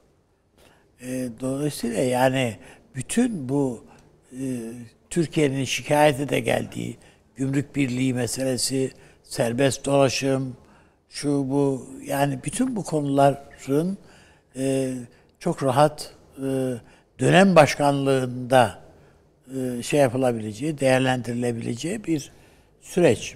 Olur mu olmaz mı? Onları bilemem ama olabilir. Yaşanan süreç çünkü e, Almanya'yı bu noktaya getiriyor. Evet. İkincisi e, yani Fransa'nın düştüğü durum mu e, bu telafi etmez tabiatıyla. E, bu zirve veya bu konuşma etmez ama ne olursa olsun Fransa e, dünyanın yedinci büyük ekonomisi. Yani Avrupa Birliği'nin işte ordusu olan tek mil- tek devlet yani. Bunu e, hoşumuza gitsin gitmesin veya şu bu. Onun için yani e, tümden de sıfır diye görmemek lazım. E, Fransa'yı keşke bazı şeylerde ikna edebilsek. Bunun aleyhte, aleyhine olduğunu Fransa inşallah görmüştür. Türkiye aleyhtarlığının kendisi aleyhine ne tür sonuçlar doğurabildiğini veya böyle potansiyel taşıdığını görmüştür inşallah. Ama ben e, az önce e, hocam da işaret etti, Taşansı Hoca da nispeten bu NATO konusunda Yunanistan'ın e, böyle yeni göz bebeği gibi bir pozisyon olduğu şeyle yorumuna daha ihtiyatla bakmak gerektiğini düşünüyorum. Yani Amerika'nın önünde bir İran meselesi varsa, bir Orta Kafkasya, Orta Asya meselesi varsa veya olabilecek idiyse e bu yani yani boş ver Türkiye değil. Ö- öteden beri zaman zaman Türkiye zaten artık önemini kaybetti diye yorumlar vardır yani. Yani Soğuk Savaş bittiğinde de bu tür yorumlar olduydu. Artık incirlik önemini kaybetti filan diye. Veya şu bu filan diye. Hayır hiçbir zaman Türkiye'nin yeri Dede Ağaç'ta filan dolacak bir şey değildir. Hatta Dede Birleşik- Ağaç'taki Birleşik Arap Emirlikleri'nin bile incirlik lafları var ama Ha vardır yani. Dede ağaçtaki üs eğer diyelim ki mesela incirlik gibi bir yapılmak istense incirliği 12 senede yapmışlar. Yani esas şeyi 12 senede. Çok zor bir yer. Dede Ağaç da zor bir coğrafya. Yani topografik olarak da zor. Hani inşaat zorluklarından dolayı değil. Yani 27 metre ya incirliğin altı. Yani kolay bir şey değil yani o incirlik yapmak. Dünyadaki dört büyük üstten bir tanesi. Dolayısıyla ben Türkiye'nin önemini Amerika nezdinde de o kadar kolay e, ortadan kalkacağını düşünmüyorum. Kaldı ki kürecik, şu bu hepsi bunlar entegre. Yani birbirini tamamlayan tesisler ve üsler. Onun için yani radar üsleri bilmem neler falanlar birlikte. E, Yani tek başına Dede Ağaç e, sadece Yunanistan için bir güvence olur. Yani onu tekrar söyleyeyim. Yani Rusya için tabii ki orada bir bizim Sinop'taki Amerikan üssü de tehlikeydi. Tehditti Rusya için. Amerika ne oldu? Kaldırıverdi onu. Filan. Dede Ağaç'taki tehdit de öyle bir tehdittir. Yani Rusya'yı yerle bir etme kapasitesine sahip bir tehdit değil, den söz ediyor değiliz. O eğer öylesi tehditler söz konusu olur ise onların bin tane misli var Türkiye'de zaten. Yani Rusya'nın şey yapacağı, rahatsız olacağı bin tanesi var. O bakımdan Dede Ağaç'ın o kadar evet önemsiz mi? Hayır, aksine. Ama Karadeniz'i kontrol açısından daha önemli olabileceğini, İstanbul boğazlarını kontrol açısından önemli olabileceğini düşüne- düşünmek mümkün. Ama bu öyle Türkiye'yi ikame edecek bir şey değil Peki. diye düşünüyorum. Belki yanılıyor olabilirim. Peki yani bilmiyorum. bakalım Süleyman Hoca ihtiyatlı olalım önerinize. ihtiyatlı olarak cevap Yani ben verecek. zaten bunu Ama biraz- şeyi hatırlatalım. Mesela İran'ı söyledi ya Avrupa Birliği ve NATO- Sadece İran değil yani. Anladım. İran. Afganistan, Anladım. Pakistan Ama hepsi İran yani. konusunda Avrupa Birliği ve NATO şey aman Avrupa Birliği ve Birleşmiş Milletler e, ABD'ye direndi. Nasıl Yaptırımlar konusunda. Hani İran'a yeni yaptırımları tazelemek Ha, istiyor tabii, ya. Tabii tabii tabii. Valla ben e, şöyle düşünüyorum. e, ihtiyatlı bir e, cümle kurmaya çalışmıştım. Marja itilmek ve etkinsizleştirmek. Ya evet. Yani bunun ama boyutlarının nereye gideceğini ben çok Ha Biden fazla... olursa ne olur?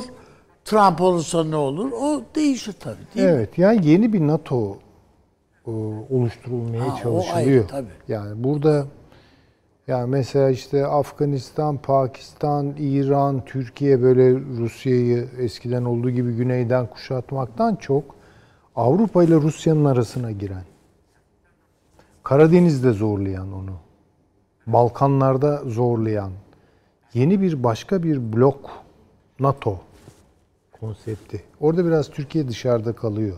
Yani sıfır değil tabii ki ama başka bir konsept işliyor gibi geliyor bana. Ha yani bu Türkiye ile Amerikan ilişkilerinin bütün bağlarının koparılması, kapıların kapatılması, ilişkisizlik elbette böyle bir şey olmaz ama yani Türkiye'yi kazanarak yapılabilecek şeylerin yapılmaması 10 yıllardır. Hatta hatta Türkiye'yi zora sokacak ne kadar şey varsa onların yapılması zaten yeteri kadar bu şeyi açıklıyor. Yani Türkiye'yi biraz NATO'nun dışında zihnen en azından görme eğilimindeler. O öyle bir şey bunun işlediğini söyleyebilirim. Ve bunu bir bence İsrail de istiyor. Ha, bu Bunu bunu İsrail bu- de bu- istiyor. tabii. Amerika Birleşik Devletleri de istiyor. Yani birlikte istiyorlar bunu. Ee, ve o süreç devam ediyor yani. Onda bir değişiklik, düzelme vesaire gibi şeyler görmüyoruz. Yani biraz gözümüze soka soka yapıyorlar bu işi. Peki. Ve bu, Şu- bu, bu şu- böyle de gidecek şey yani. var. Yani onu görmek lazım. Orada Süleyman Hocam haklı. Şu var. Ee, dünün Türkiye'sinde Türkiye'si Amerikan politikalarına bölgeye ilişkin, genel uluslararası siyasete ilişkin Amerikan politikalarına daha uyumlu bir Türkiye idi. Yani İsrail açısından da böyleydi. Düşünelim ki bile yani biliyoruz ki İsrail uçaklarının tatbikat yapma havası için hava sahasını kullandığı tek ülke Türkiye Evet. idi. E Bugün böyle bir şey yok. Yok. Bugün böyle bir Amerikan bu denli e, açık kart kullanabildiği bir ülke de değil Türkiye. Aksine dünyada İran'dan daha fazla Amerikan aleyhtarı bir toplum var. Yani İran'da Amerikan, Amerikan aleyhtarlığı oranı toplumda %50, yüzde 60 70 ise Türkiye'de yüzde 90. Yani dolayısıyla Türkiye'den yana fevkalade rahatsızlar o bakımdan. Gerek kamuoyu dolayısıyla adam bu Amerikalılar işte biz şunu yaptık da onun için böyle oldu bu işler falan filan demezler yani. Yani Türkiye sen ne yaparsan sineye çekmesi gereken bir ülke gibi görüyor. O açıdan e, hak veriyorum hocama da yani e, yani Türkiye'siz nasıl çözerizin yollarına bakabilirler. Ama dediğim gibi ben olsa olsa yani Türkiye'siz e, yüzde yüz Türkiye'sizi öyle bir şey hesap yapacaklarını düşünmüyorum. Yani Peki. tamamen hesabın dışına dışında tutacaklarını düşünmüyorum. Peki. Taşans Hocam siz öyle bir hesap düşünüyor musunuz? Ee, ya ben de e, Avni Bey gibi düşünüyorum bu konuda. Yani o biraz önce verdiğim örnekte söylediğim gibi hani Jüpiter e, füzeleri krizi örneğinde de olduğu gibi hani tamamen e, yok sayan vesaire değil fakat bir şekilde Süleyman Hoca'nın bahsettiği marja itme yani başka bir pozisyonda tutma ihtimali e, vardır diye düşünüyorum. Onu şöyle bağlamak isterim birazcık. Ee, Şimdi şöyle düşünelim bu e, yüzyılın planı vesaire bu normalleşmeler İsrail'le yeni bir Orta Doğu haritası yaratıyor aslında. Ancak bakın bu yaratılan Orta Doğu haritası Maşrık'la alakalı. Yani bizim gördüğümüz bu yeni haritada özellikle Körfez'i görüyoruz. Yani Körfez ülkelerinin e, normalleştiğini görüyoruz İsrail'le. E, ve e, Suudi Arabistan'ın bir şekilde şu an bir gerginlik var aile içinde belli baba oğul arasında ama buraya eklemleneceği belli. E, ancak e, hala dışarıda kalan, bu sürecin dışında kalan ve kendince e, hem Arap dünyası içerisinde bir öncülük rolü olduğunu iddia eden hem de eskiden bağlantısızlar hareketinden gelip bu bağlantısızlığı aklının bir kenarında devlet kodlarına yazan Aynı zamanda bir de e, Batı ile Rusya arasında da ilginç bir şekilde hem Su-35 alıp hem rezonans NE radar sistemi alıp ama aynı zamanda Amerikan kredileri de alan bir Mısır var şu an. Şimdi dolayısıyla Mısır'dan başlayın ma, ma, e, dışında batısına doğru ilerlediğinizde yani ne olacağı belli olmayan Libya'yı atlayalım. Ee, Tunus, Cezayir ve Fas bakın bu ülkelerde de bir devlet aklı var. Şimdi bu bahsettiğimiz Maşrık'ta oluşan yeni yapı İsrail'le normalleşme çerçevesinde aslında İran'a karşı cephenin burada durduğunu gösterir ve İsrail merkezli olduğunu gösterir. Ama İsrail bir NATO üyesi değil. Ve bu Arap ülkeleri de NATO üyeleri değiller. Şimdi dolayısıyla burada hani bir yeni yapı Türkiye orada ne kadar etkili olacaktır? Mesela işte İran'a yaptırımlar konusunda Türkiye'nin pozisyonu nedir? Türkiye biliyorsunuz hep şu meşru pozisyonunu sürdürmüştür. Hocam. Rusya ile ilişkilerinde de İsrail ile ilişkilerinde de. Buyurun. Ee, Sayın Cumhurbaşkanı bugün İran konusunda Birleşmiş Milletler'de bir şey söyledi. Ee, yani bundan çok hoşnut olmadığımız hissediliyor. Ee, şöyle tabii ki bakın tam onu söyleyeceğim. Ee, Türkiye'nin hep pozisyonu çok meşru olmuştur. Hep şunu söyledik bakın biz. Mesela işte Amerika-Rusya gerginliğinde de ya kardeşim kusura bakma ben enerji alıyorum bir Rusya'dan. iki bir sürü turist geliyor. Üç benim taahhüt hizmetlerim var. Domates satıyorum. Ee, önemli konu biliyorum. Ee, artı ama hepsinde önemlisi 150 bin civarı ortak evlilik var. Yani e, hiç hiç kimse kusura bakmasın yani ben komşumla arama açmam. İran konusunda da yani sizin İran'la bir hesabınız olabilir. Yani e, ama kusura bakmayın ben her sizin hesabınızda ilk önde koşan e, olmayacağım. Yani e, elde tuzluk koşmak denir ya. E, Türkiye elde tuzluk koşmadı hiçbir şekilde. Bu da çok meşru bir şeye dayandırmıştır. Komşularla olan ilişki. Çünkü biz komşuyuz buradayız. Yani buna Yunanlar da dahil, İranlılar da dahil, Suriye ahalisi halkı da dahil. E, velhasılı kelam buradan varmak istediğim nokta şudur. Bir uluslararası sistemin bizim çevremizdeki yapılanmasına baktığımızda İran tehdidinden mütevellit Maşrık'ta bir ayrı bir yapılanma, Mısır'dan başlayarak Belki Irak'ta Kazimi konusunda da Avni Bey'e e, danışmak gerekebilir bu konuyu. Buna benzer bir yapılanma olabilir mi sorusu akıllara gelebilecektir.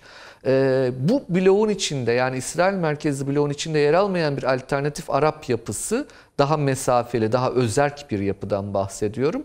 Artı NATO üyesi bir Türkiye var. Ve oradan başladığınızda yukarıda Karadeniz ve Rusya. Yani tam aslında hani Türkiye'nin pozisyonunu sayın seyircilere bir kere daha hatırlatmak anlamında bunu söylüyorum. Bu merkezde bakın hem İran hem Rusya e, Türkiye ile ilgili. E, onun arkasını açtığınızda zaten Türkistan coğrafyası demek Avrasya'nın göbeği, karnı, e, heartland'i, kalpgahı demek. E, dolayısıyla bu anlamda önemli ama Orta Doğu'yla da e, Türkiye'nin ilişkilerine baktığımızda bizi ilgilendiren şu an bakın Irak sınırımızdan başlayın. Irak, Suriye, Doğu Akdeniz, Kıbrıs ve Libya hattı. Bu bir hat, bizim güney hattımız ve bu güney, güney hattımızın her yerinde şu an e, zannediyorum işte tek tek konuşuyoruz. Konuşulması gereken hususlar var. E, Suriye, e, İdlib konusu çok çok önemli.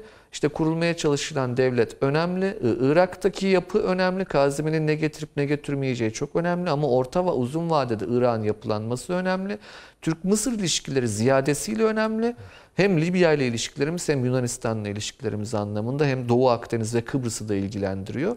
E, İsrail ile e, Türkiye'nin normalleşmesi mümkün mü değil mi tartışmalıdır ancak e, bu da önemli bir konu olarak Türkiye'nin gündeminde duruyor. Bütün bunları tabii ki Yunanistan, AB ve NATO çerçevesinde değerlendiriyorsunuz. E, Türkiye'nin aslında bir haritası çıkıyor. O anlamda hani hem Merkel'le, Michel'le yapılan görüşme bugün Sayın Cumhurbaşkanı tarafından hem de biraz önce e, yapılan Macron ile görüşmeyi çok önemsiyorum ben. Zannediyorum hani bu diplomatik ilişkiler özellikle Türkiye'nin söylemi burada çok önemli. Mesela çok önemsedim ben bugün Sayın Cumhurbaşkanı'nın teklifini e, bir konferans oluşturalım Doğu evet. Akdeniz için. Hadi gelin herkes katılsın. Ama kim katılsın? Kuzey Kıbrıs Türk Cumhuriyeti. Çünkü orada meşru bizim haklarımız var. Yani Kuzey Kıbrıs Türk halkının hakları var. Onları yok sayarak bir konferans. Şimdi kim kaçacak bakalım bu konferanstan? Hepsi. E peki konferansa davet eden kim? Bizdik. Bakın bu meşru pozisyonu sürdürmek dış politikada gerçekten çok çok önemli. Ee, zannediyorum o anlamda da son dönemde iyi gidiyor gibi düşünüyorum Türk e, diplomatik atakları. Ben de sizinle mutabıkım. Bir not Bu- aldınız ama hayır, Süleyman Hocam. çok doğru tespitleri taşıyan hocanın şöyle bir şey çıkıyor. Hani biraz belki belli bir model kurarak e, düşüncelerimizi ilerletmek faydalı olabilir. Bir kere Almanya ve Türkiye ilişkileri bundan sonra çok daha önemli olacak. Eğer Almanya-Türkiye ilişkileri, Türkiye-Mısır ilişkilerinin de iyileşmesiyle birlikte ki Almanya'nın çok ciddi yatırımları var Mısır'da. Şaka değil yani. Ee, ve Rusya'nın da buna belli açılarda açılardan destek vermesi buradaki bütün tabloyu değiştirir. Yani bir kere bunu görelim. Yani Taşansı Hoca'nın vurgusu orada çok çok önemli. Ben Mısır'ı düşünün ki yani Suudi Arabistan bugün ne yapacağını bilemiyor. Yani Köre koalisyonu falan iyiydi, hoştu ama işte İsrail'le ilişkilerin normalleşmesi, işte Filistin meselesi, şu bu. Kralla Yani veliahtın Veliaht arasını- girdi bir yani birbirlerine. Yani yarın krala emri hak vaki olursa e, şüphe edeceğiz. Yani bir çok tabii saymayacağız adam ne kadar yaşlı olursa, Olursa olsun. olsun diyorsun. Ha. Yani demek istediğim bakın bu ara Katar'ı koparmaya çalışıyorlar. Dikkat edelim buna. Tabii tabii. Evet. Katar'ı koparmaya Abanıyorlar çalışıyorlar. Çünkü bu denklemde yani Almanya, Türkiye, Mısır, Rusya ve Katar ha bu bambaşka bir noktaya getirir işleri. Bu bambaşka bir noktaya getirir. Hani e, demek istediğim e, bu Avrupa Birliği ki ben Avrupa Birliği denildiği zaman son tahlilde, nihai kertede hep Almanya'yı anlıyorum. Yani net olarak. Öyle oldu ortaya Ha. çıktı zaten. Yani Almanya böyle bir e, durumda gelişmeler böyleyken Türkiye'nin yıpranmasından elde edebileceği zaten hiçbir şey yok. Türkiye'yi biraz daha sindirecek. Bakın şöyle düşünelim. Ee, Yunanistan mı Türkiye gibi, mi gibi bir ikilem üzerinden düşündüğünü Alman aklının varsayalım. Yani rasyonel hesaplar bir tarafa, sempati dairesinde bile bence ağırlığın Türkiye'ye kayacağını düşünüyorum ben. Çünkü Almanlar çalışkan bir millet. Evet. Ve Türklerin Almanya'nın kalkınması için nasıl çalıştığını biliyorlar. Ezdiler vesaire. Yani o ilk kuşağı. Hocam şu bu. Birinci Dünya Savaşı'nda da Hicaz Demiryolu'nda bu viyadükler falan inşa etti Türk, Türkiye. Yani Tabii, tabii. işçiliği Yani- olarak Hah, mühendisliği Am- Almanlardan, işçiliği bizden. Alma, Almanya'da çalışan Yunanlıların ne kadar kaytardığını da görüyorlar. Yani öyle çok sempatik değiller. Mesela Fransa'nın Yunanistan romantizmi gibi bir romantizm Almanya'da ne kadar var bilmiyorum. Hele bu son gelişmeler. Ha, karşılıklı olarak da tabii Alman karşıtı kamuoyu, Almanya karşıtı kamuoyu da Fransa şeyde var, e, Yunanistan'da var. Yani bence evet Türkiye'den çok hoşlandıklarını söyleyemem ama Türkiye-Almanya ilişkileri büyüyecek bence. Peki. Yani artacak. Önemli olan o denkleme başkalarını da katabilmek. Mısır çok önemli. İşte o Ve bu Almanya- İngiltere burada önemli bir faktör hocam. İşte İngiltere tabii Almanya'nın bu kadar bu bölgede nüfus kazanmasını Hayır istemeyecektir. şimdi tabii yani istemez ama yani mesela Ee, biraz- Kıbrıs'ta iki tane askeri üssü olan bir Tabii, İngiltere tabii, tabii, tabii. Tabii bu ya, o- burnun dibinde Fransa'nın, istemez. Rusya'nın filan böyle onları istemez. cirit atmasını istemez yani. Bence istemez. Onun için Yani dengeleme meselesi. Belki İngiltere ile de bunları dengeleyebilecek Türkiye. Yani e, Rusya'nın aşırı taleplerini veya Almanya'nın aşırı taleplerini dengeleyecektir. Yani demek istediğim hakikaten çok farklı ittifak imkanları doğuyor. Yani basit olarak Fransa, Yunanistan, Türkiye falan demeyelim yani. Bu işte böyle aktüel siyasette biraz sivrilik yapanı hemen çok başat aktör gibi görmemek lazım. Bence Almanya nüfuz ediyor. Buralara doğru yeni bir yönelimi var. Bir kısmı mecburiyetlerden, bir kısmı belki kendini yeniden büyütmek için başka bilemem hesaplarını. Ama süreç böyle işliyor. Onu görelim. Peki. Tamamsa Libya'ya Evet. geçmek isterim. Birleşmiş Milletler konuşmasını da parçalara ayırarak efendim inceleyeceğiz bu akşam ama şimdi Libya konusunda Ama bu Irak konusundaki endişemizi Kuzey Irak veyahut da Suriye konusundaki endişemizi hiç kaybetmemeliyiz. Hassasiyetimizi. Çünkü orada artık son düzlük koşunuyor. Evet, bugün biraz değindi Sayın Cumhurbaşkanı. Libya'yı konuşalım, ona da pay ayıralım başa dönerek yine. Ee, iki kesim var. Hiç, yani bir kere şunu derim. Libya'da her şey yolunda diyen pek gözükmüyor. Ee, bazı problemler var ama aşılacaktır. Öz- Özellikle belki bu Avrupa Birliği meselesinin Doğu Akdeniz krizinin çözülmesinin de belki bir etkisi olabilir. Bu e, görüşme de yani Macron'la Sayın Cumhurbaşkanı arasındaki görüşme de kim bilir belki başka açılımlara da sirayet eder etmez orasını bilemiyorum. Ama bir işaret yani işaret değilse de ihtimaldir. Siz Libya'daki durumun çok açmazlı olduğunu mu düşünüyorsunuz şu anda?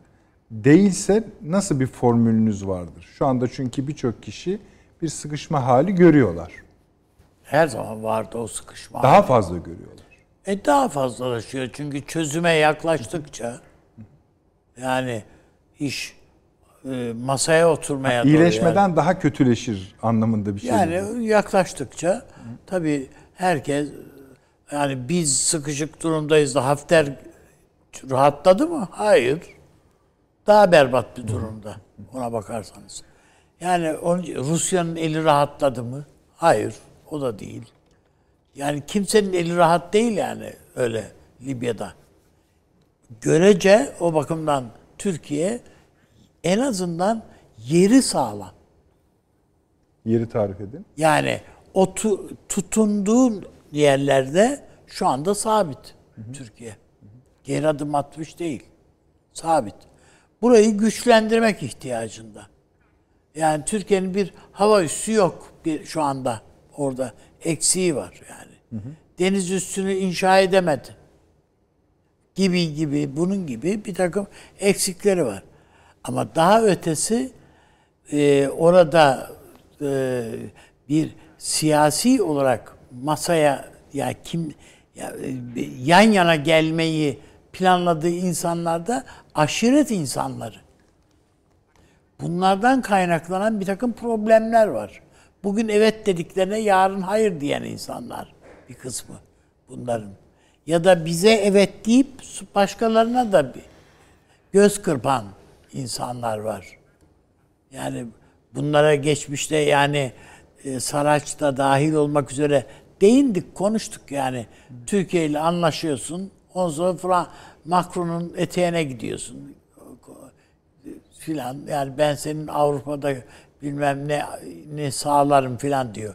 Geçmişte ne oldu? Libya'ya da yani Kaddafi'ye de bunu sağlarım diyordu e, Sarkozy.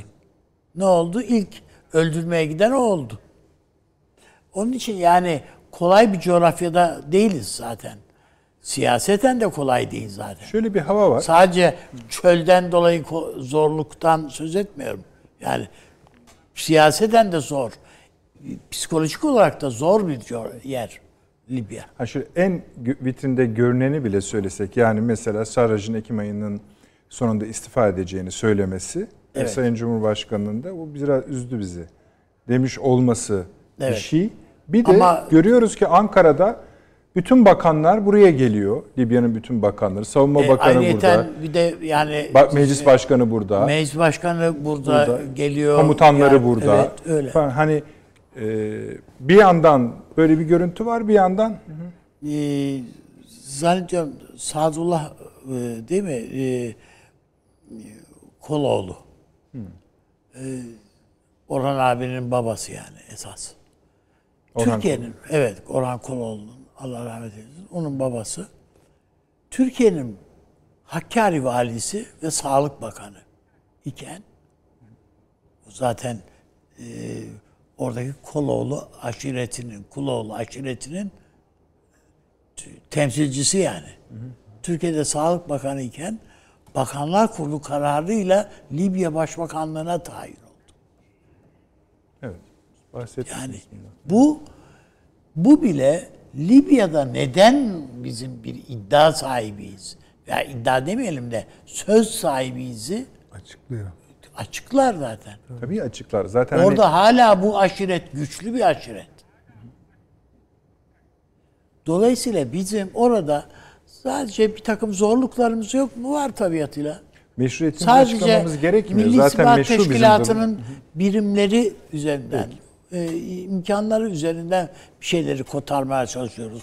Doğrudan doğruya Türk Silahlı Kuvvetleri orada yok yani. Aski, yani kara birlikleri filan. E, ama bir mücadelede biliyorsunuz piyade sahaya inmeden de olmuyor yani gibi. İşte sadece bir gönüllü bir takım şeylerle oluyor. Oradaki bir takım insanları eğitiyorsunuz. Onlarla bir şeyler yapmaya çalışıyorsunuz. Onlar kolay değil. Yani o bakımdan ben e, Türkiye bir sıkışmışlık içerisinde elbette sıkışmışlık içindeyiz yani. Irak'ta sıkışma, sıkışmadık mı? Suriye'de sıkışmıyor muyuz? Yani hepsinde sıkışık iş durumdayız yani. O bakımdan yani şey değil. Peki.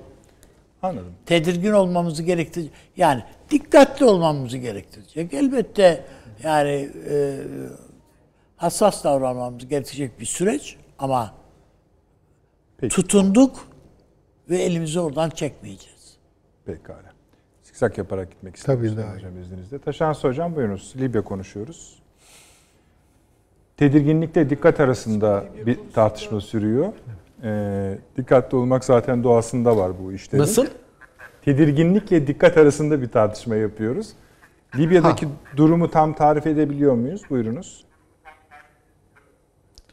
Ee, yani şöyle hani bu işler hiç başlamadan Libya Türkiye'nin gündemine hiç girmeden önce bizim durumumuz neydi Libya'ya dair acaba? Uzaktan bakıyorduk galiba hatta bakmıyorduk. 100 bile. yıl sonra yeniden ciddi dönmüş olmak da kafidir vardı. Ee, şimdi or- oraya geleceğim. Şimdi bakın e, ne olursa olsun e, sıkıntılı bir dönem olduğu açık Libya'da. Hatta e, bir e, pat durumu yaşandı ve bir kartların yeniden karım aşamasına geçildi. Bu da doğrudur. E, ve aslında tüm kazanımlarda kayıp kayıp da edilebilir. Belki böyle bir risk de vardır. Ancak ne olursa olsun Türkiye bir şekilde e, Libya'da şu an e, öyle ya da böyle askeri olarak var istihbarat unsurlarıyla var ve bunu Rusya'nın yaptığı gibi mesela orada e, var ama yokum e, gibi bir iddiayla da ortada gezmiyor. E, Bunu tüm dünya kamuoyuna da açıkça söylüyor. Çünkü e, uluslararası toplumun tanıdığı bir e, siyasi özne tarafından oraya davet edilerek e, gittiğini biliyoruz Türkiye'nin. Şimdi bunları bir elde var bir koyalım lütfen. Bakın daha önce hiç olmayan şeylerden bahsediyoruz. Peki bugün geldiğimizde bizi kaygılandıran şeyler nedir diye baktığımızda e, bazı hatalar da eksikler de var tabii ki. Yani nedir bunlar? E, Mesela işte e, Serraç istifa etti. Yani bundan sonra ne olacak? Soru bu. E, acaba Türkiye'nin desteklediği ulus, e, ulusal mutabakat hükümeti e, bir şekilde özne olarak kalmaya devam edecek mi, etmeyecek mi? Böyle bir soru var. E, Efendim acaba e, çok taraflı görüşmeler mi yürütmeliydi Türkiye diye sorulabilir. Mısır'la ilişkiler ne olacak Libya üzerinde sorusu var. Fransa yeniden ne kadar burnunu bu işe sokabilir ki e, yavaş yavaş girmeye başladığını görüyoruz yeniden. Ee, Rusya'nın Wagner unsurları ama en önemlisi Cufra'daki hava kuvvetleri ne olacak? E, çünkü ciddi bir askeri e, tehditten bahsediyoruz orada. E, bu konuda İtalya, Almanya ne diyor? Amerika ne yapıyor? Bakın bütün bunların hepsi sorular, sorular, sorular. Şimdi yavaş yavaş cevapları vermeye başlayacak olursak, e, efendim riskli alanları söyleyelim. Şimdi Serrac'ın istifasından sonra Ulusal Mutabakat Hükümeti'nde e, bir yeniden yapılanma olacağı açık. Şimdi orada e, siz de zikrettiniz biraz önce tüm bakanlar Türkiye'yi ziyaret ediyorlar. Yani Ulusal Mutabakat Hükümeti tarafında Türkiye'nin ağırlığının günden güne arttığını ve şu anda e, bugüne kadar olan en e, üst seviyeye vardığını tespit edebiliriz. Ancak Türkiye'nin ağırlığı tabii artınca belki acaba başka ülkelerin ağırlığı mı azalmış oldu o tarafta? Yani mesela işte İngiltere birazcık geri mi çekildi acaba ulusal, mutabakat hükümetine destek hususunda diye bir soru sorulabilir. Diğer tarafa baktığınızda Akila Salih öne çıkıyor. Ama Hafter'in geri, gerilediğini görüyoruz. Ama Hafter'in gerilemesine rağmen Rusya kendi askeri varlıklarıyla bunun yerini doldurdu. Yani Hafter'in askeri olarak Hafter'e şu an ihtiyaç duymuyor zaten. Efendim Türkiye ile Mısır'ın e, Sayın Cumhurbaşkanı'nın açıkladığı gibi istihbari düzeyde görüşmelerinin olması ve bunun bir üst aşamaya taşınabileceğine dair işaretler acaba e, özellikle e, Tobruk'taki e, meclisle Mısır'ın yakın ilişkileri göz önüne alındığında bölge dışı ülkelerden yani Körfez ülkelerinden, Körfez Arap ülkelerinden bahsediyorum. Buraya yönelen etkinin Mısır ve Türkiye tarafından e, sıfırlanması ya da e, bir, bir miktar kırılmasını sağlayabilecek midir? E, bu da bir sorudur e, diye düşünmek lazım herhalde. E, Rusya'nın burada başka ne gibi kartlar çekebileceğini düşünmek gerekir. Efendim hiç beklenmeden, beklenmeyen bir şekilde petrol sahalarına Wagner unsurları indi biliyorsunuz. Yoktu Rusya yani Hafter üzerinden işini yapıyordu.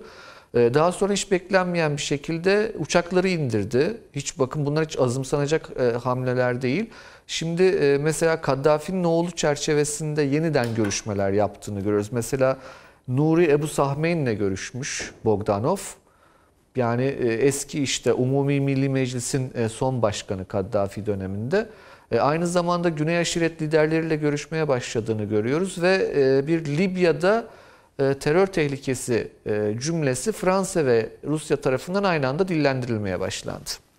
Şimdi bakın bu bir risktir söyleyeyim. Yani nasıl ki İdlib konusunda Türkiye'ye terör örgütlerinden arındırma işini beceremeyen ülke izlenimi yaratmaya çalışıyor Türkiye hakkında Rusya. Libya konusunda da acaba 7-8 yıldan beri orada olan terör tehdidi yani Nijer-Çat sınırından kaynaklı terör tehdidini Türkiye'nin sırtına yıkmaya kalkabilirler mi? Böyle bir imaj yaratmaya çalışabilirler mi e, tüm dünya çapında? Mümkün müdür? Bu, bu soru da sorulabilir. Çünkü Fizan bölgesi gerçekten El-Kaide ve IŞİD e, teröründen e, epeyce muzdarip gibi görünüyor. Bakın bunların hepsi sorular sorular. Ancak bunca sorunun olması bir şeyi gösteriyor aslında. Bizim bundan e, bir iki ay evvel yaptığımız konuşmalarda farkındaysak Batı ve Doğu diye bahsediyorduk ve Sirte Cufra hattında iş tıkanabilir sonra diplomasi masasına gelir diyorduk.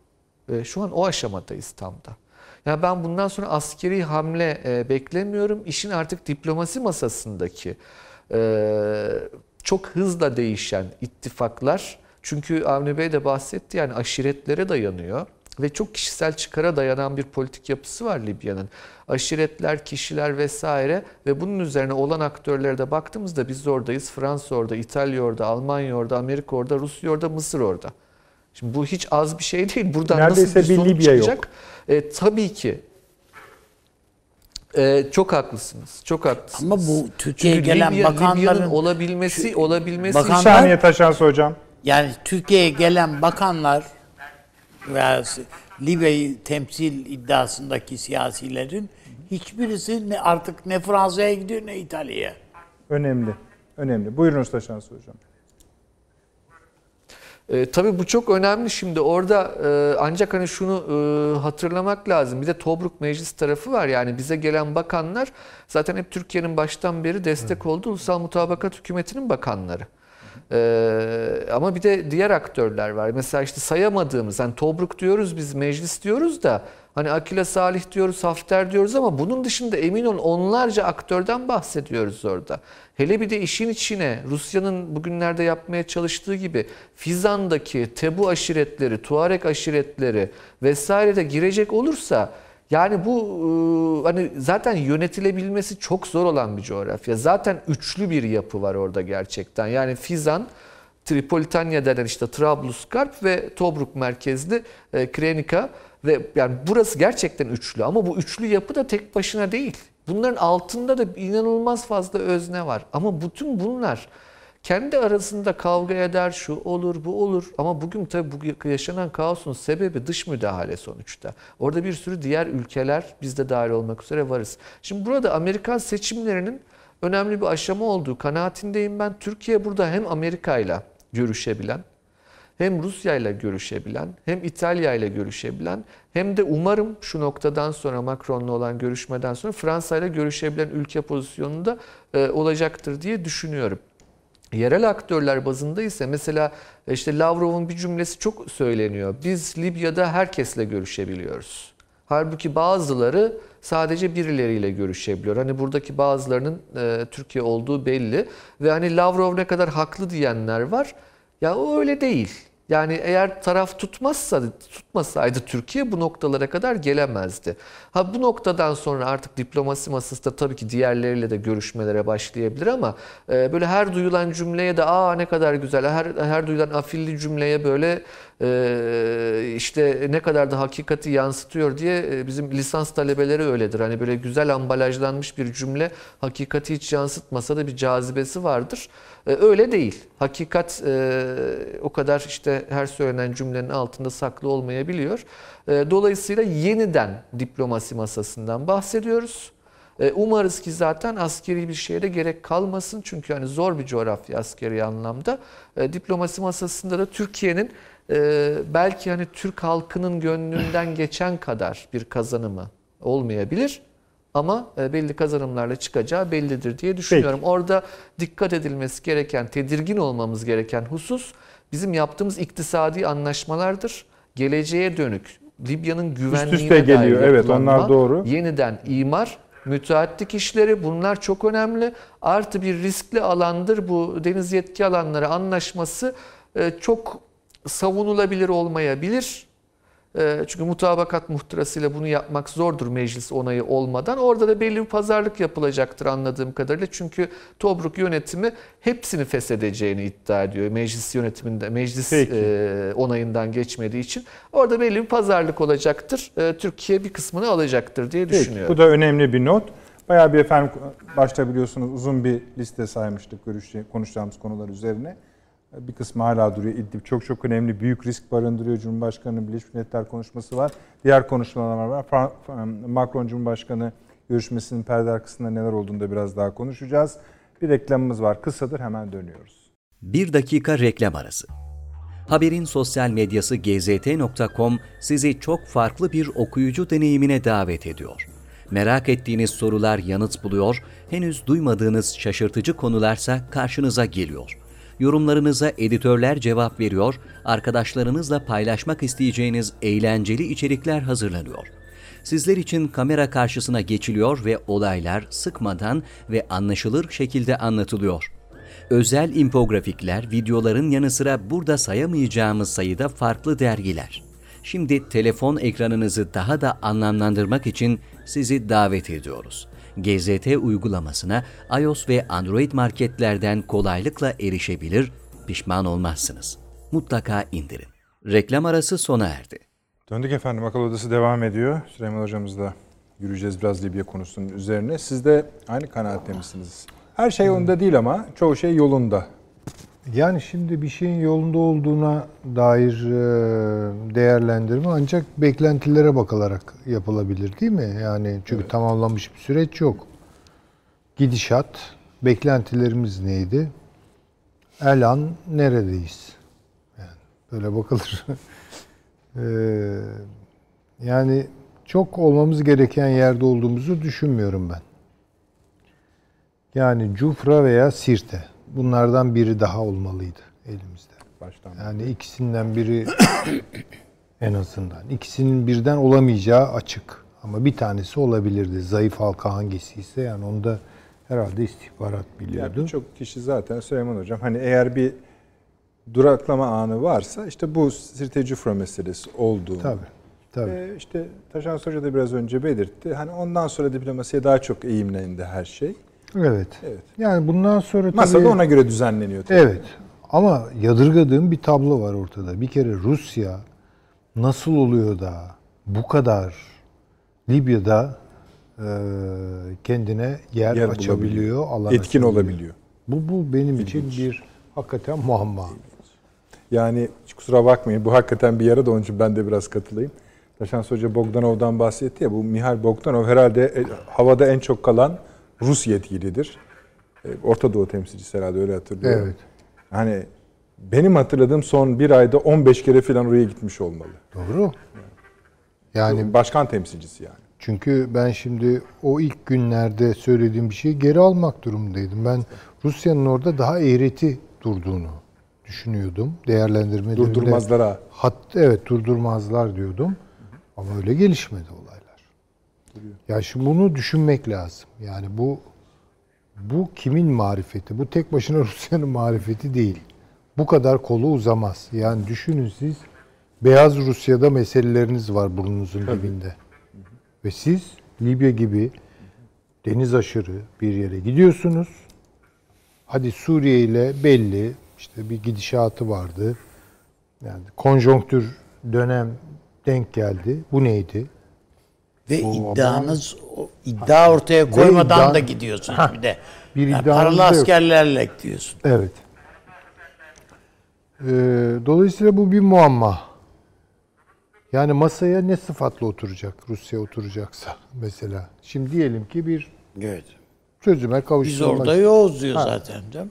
İşte demin Taşan Hoca söyledi.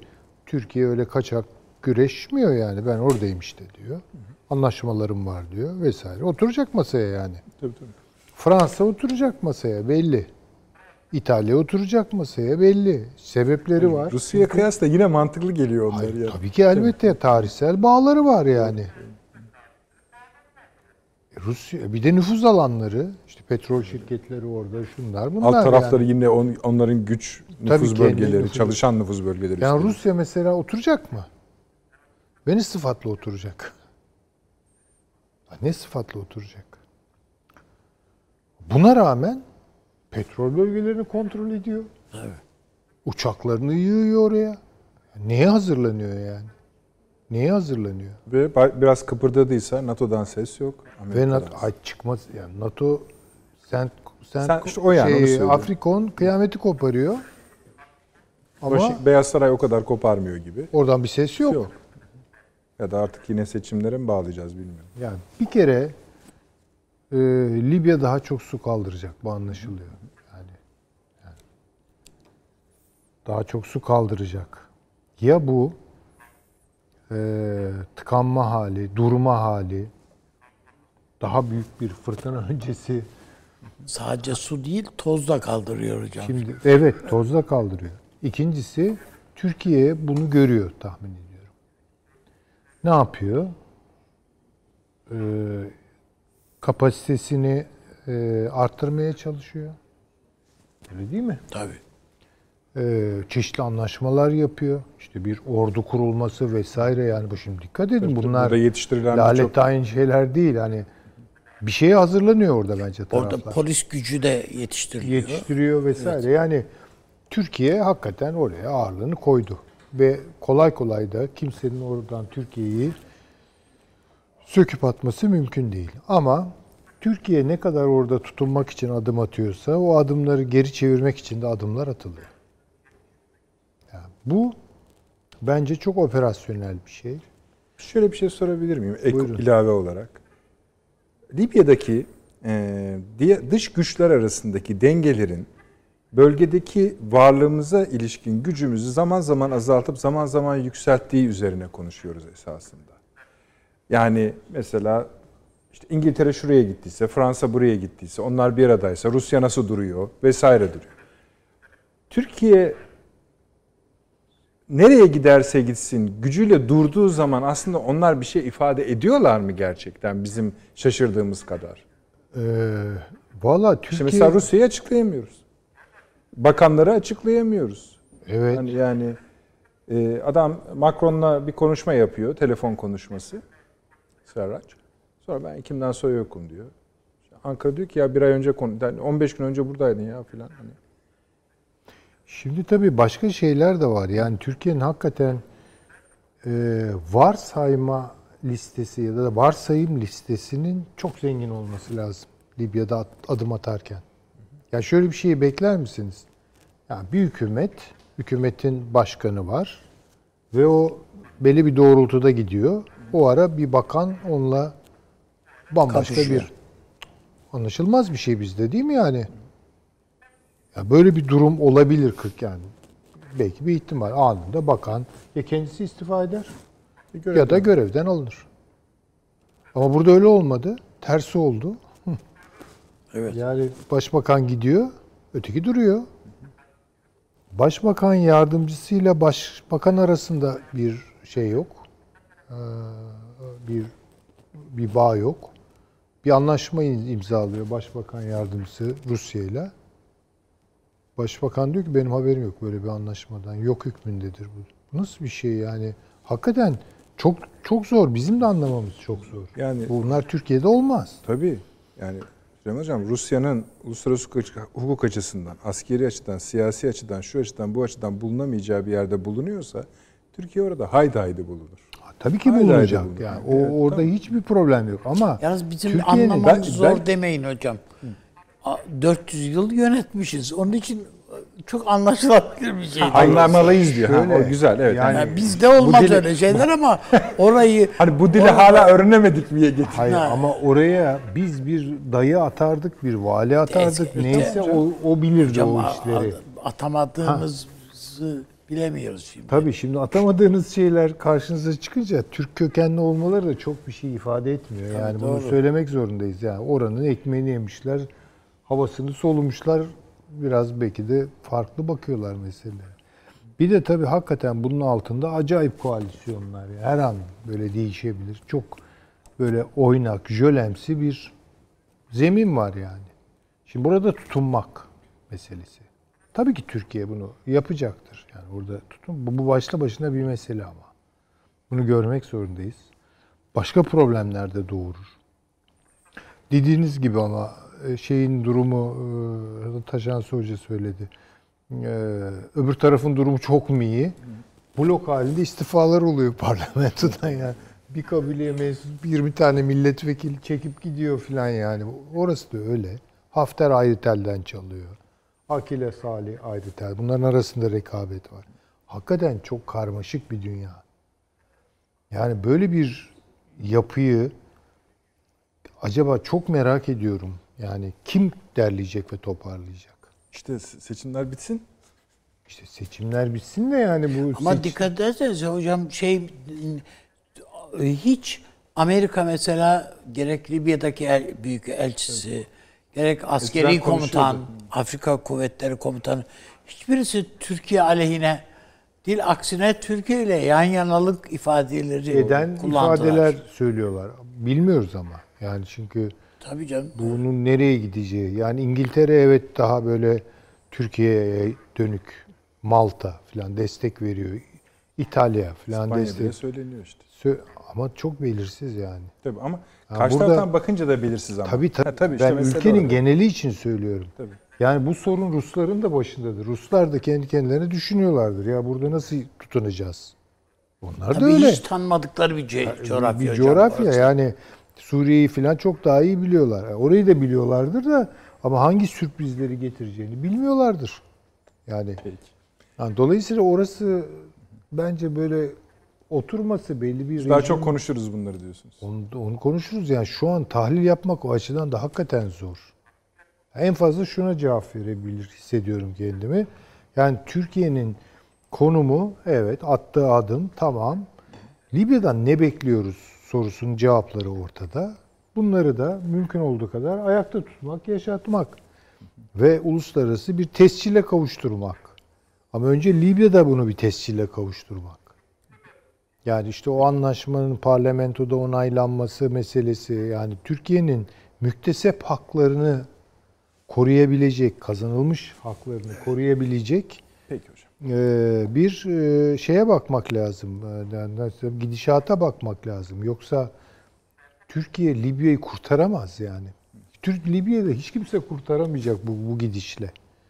Ama önemli olan işte orada hangi noktada dengeler biraz kurulur filan. Her noktada Türkiye Libya'dan umduklarını Libya'ya girmek suretiyle ödediği bedelin karşılığını alabilecek durumda mı değil mi? Böyle bakmak lazım. Biraz Peki. daha bence ilginç bir yer orası. Taşansı hocam bir başka kırm- kırmızı alarm noktası. Buyurun. İdlib. Türkiye-Rusya görüşmelerinden bir sonuç çıkmadığı gibi sahadan hayırlı haberler gelmiyor. İşte bombalamalar vesaire şudur budur. Ee, ve Evet. açılış programının açılışında bahsettiğimiz üzere bu Suriye'nin kuzeydoğusuna sıçrıyor. Oradan da Kuzey Irak'a sıçrayan bir başka boyutu var. Ama İdlib'de mesela Türkiye'nin oradaki muhalif gruplara yeni bir çatışma dönemi başlayabilir ikazı yaptığı da söyleniyor. Ee, nedir durum? Siz nasıl görüyorsunuz? Ya efendim şöyle şimdi e, tabii hani o saha çok özel bir saha. Gerçekten hani özel bir çalışma alanı. E, birazcık da jurnalistik yani gazetecilik alanı şu an itibariyle. Değerlendirme yapmak benim açımdan o yüzden e, ziyadesiyle zor. Çünkü e, gün gün haberleri takip ediyor olmak gerekir o bölgeye dair. E, bir de yani yüzlerce garip garip orada e, çeşit çeşit terör örgütü, aşırı aşırılık yanlıları vesaire. Yani benim çok da hani böyle detaylı analiz yapma şansım tabii ki yok. Ancak buyurun. Bağışlayın. Ee, bak- Buyurun. e, Rusya'nın bize bazı gözlem noktalarınızı buradan çekin dediğini biliyoruz. Evet. Ve Türkiye'nin de buna hayır gelecektim. dediğini biliyoruz. Buyurun. Evet. Tam tam gelmek istediğim yer oydu Nedret Bey. Hani o e, sahadaki e, aslında jurnalistik alan dedim ya, o onların dışında bazı genel veriler var elimizde. Oradan yürümek istiyorum. Ben de şimdi Rusya'nın birinci bir defa büyük bir açıklaması oldu. Lavrov'un yaptığı açıklama. Dedi ki Suriye'de savaş bitti. Bakın bu çok önemli bir açıklamadır. Yani dün yaptı bu açıklamayı. Savaş bitti dedi Suriye. Artık dedi Suriye devletinin dedi savaşı kazandığını söylüyoruz. Artık orada savaş yok. Ne var dedi? E, belli bölgelerin kontrol altına alınamamış olması var dedi. Ha, bu e, bakın bu e, söylem gayet aslında ne demek istediğini söyleyen bir cümle. Ama alt ardında getirdi. Dedi ki mesela dedi İdlib bölgesinde dedi Türkiye ile yaptığımız anlaşmalar çerçevesinde Türkiye'nin o bölgeleri dedi cihatçılardan temizlemiş olması gerekiyor dedi. Biz dedi sorumluluklarını hatırlatıyoruz Türkiye'ye. Şimdi bu e, hani e, tabii ki diplomasi dilinde e, bu bir uyarıdır aslında. Şimdi e, işin eksik tarafları var, fazla tarafları var Lavrov'un söylediği. Fazlasını söyleyelim. Ya evet böyle bir anlaşma var. Yani Astana formatı dediğimiz şey, Soçi anlaşmaları tam da buydu zaten. Ancak bahsedilmeyen eksik şey şu. Orada Rusya ile beraber bir arındırma, ayrıştırma faaliyeti ve belli bir zamana yayılarak ve belli devriye alanlarıyla, belli gözlem noktalarıyla karmaşık bir saha yapısına dair karmaşık bir anlaşmalar bütünüydü. Şimdi oradan böyle birdenbire çıkarıp o karmaşık yapının üzerinde ak kara şeklinde koyduğunuz zaman e, bu Rusya'nın belli e, bir harekata o bölgede hazırlandığı anlamına gelir İdlib'de. Çözüm öneriniz ne diye sorduğunuzda Ruslara zannediyorum verecekleri bir cevap yok. Nedir yani ne yapmayı planlıyorsunuz? Yani bu civarda 4 milyon insan yaşıyor. Şimdi bu 4 milyon insanın içinde takribi işte 150-200 bin tane militan olduğu söyleniyor.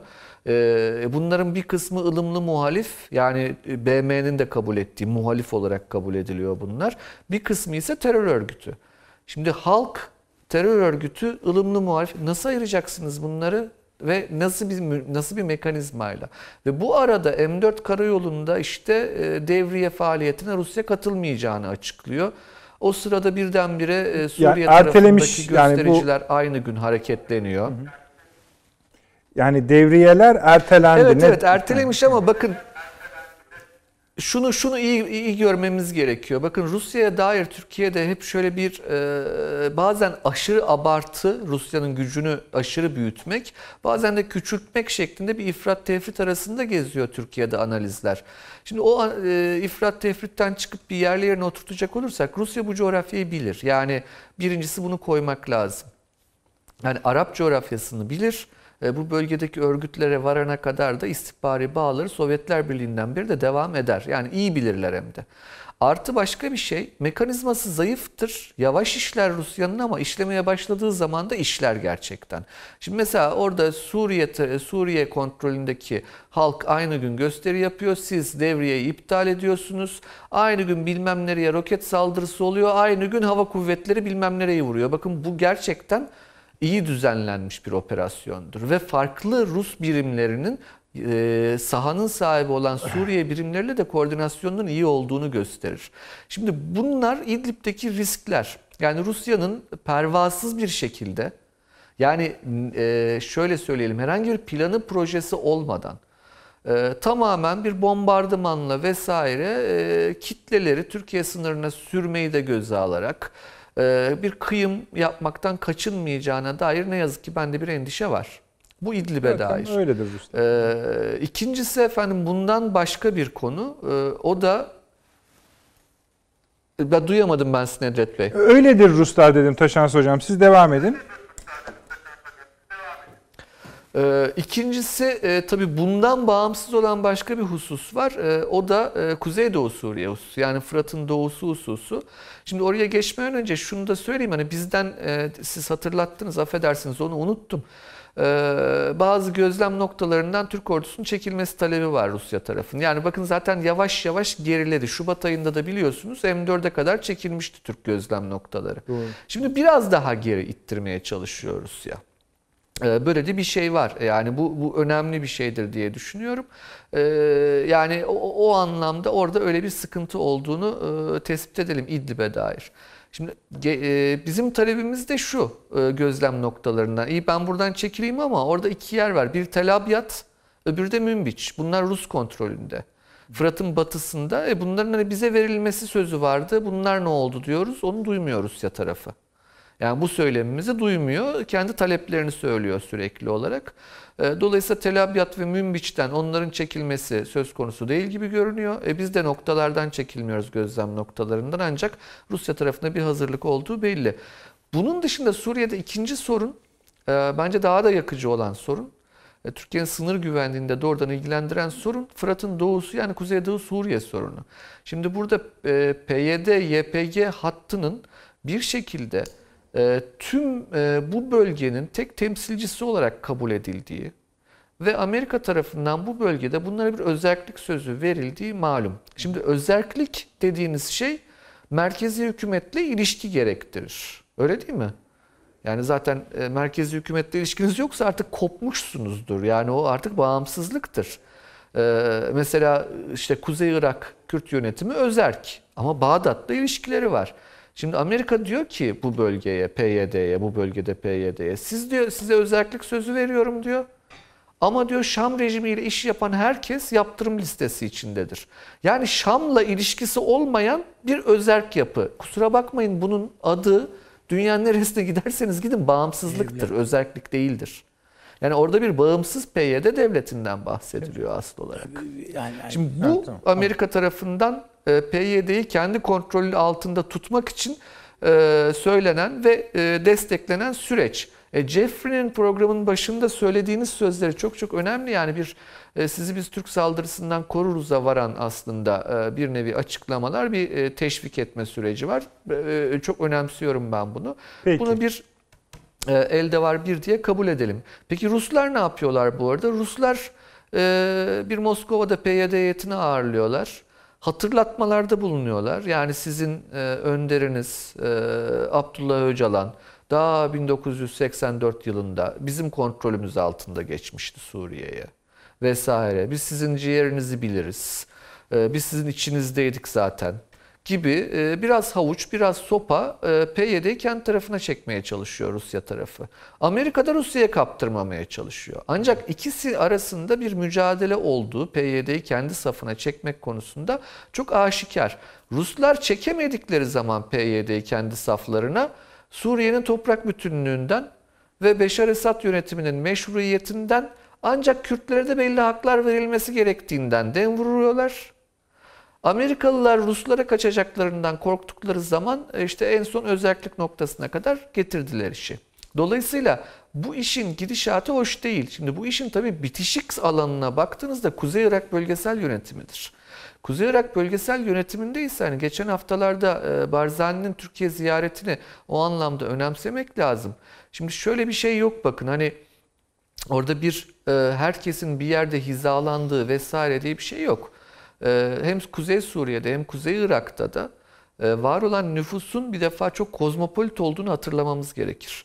E, Türkiye'nin çok uzun zamandan beri hatırlamadığı ne yazık ki ben bunu hep söylüyorum. Yani Türkiye'nin zannediyorum en büyük zaafıdır dış politikasında. Hani bu son 50 yıldan beri 70 yıldan beri böyle, belki böyledir.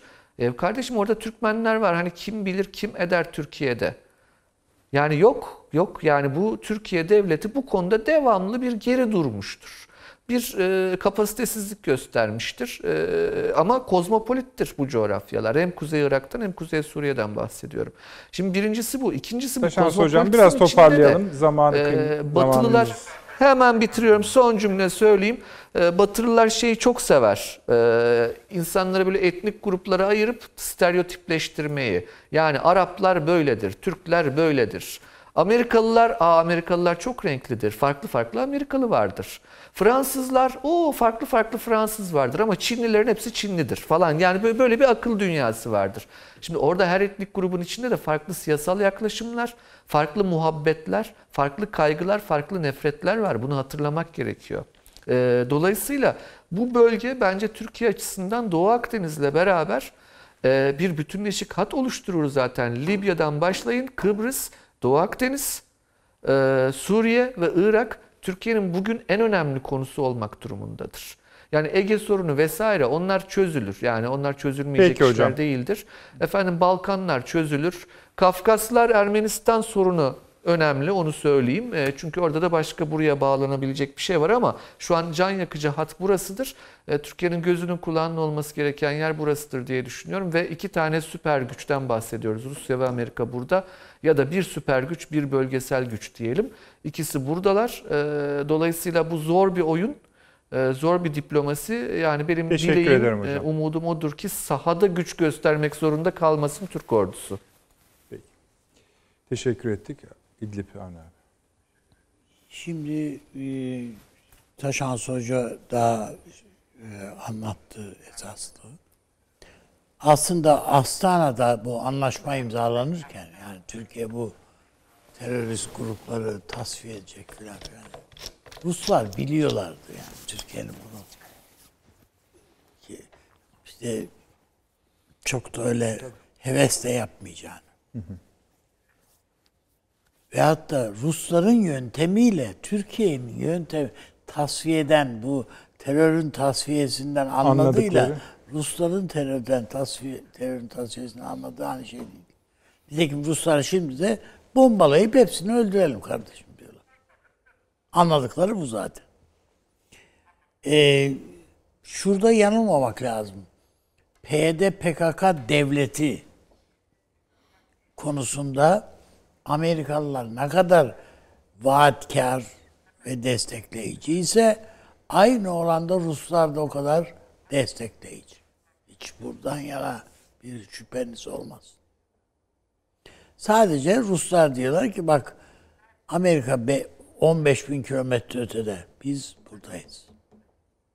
Hava üssümüz burada, deniz üssümüz Kendimiz buradayız. biz kendimiz buradayız. Amerika burada değil. Amerika çekip gidecek buradan. Biz buradayız. Ha.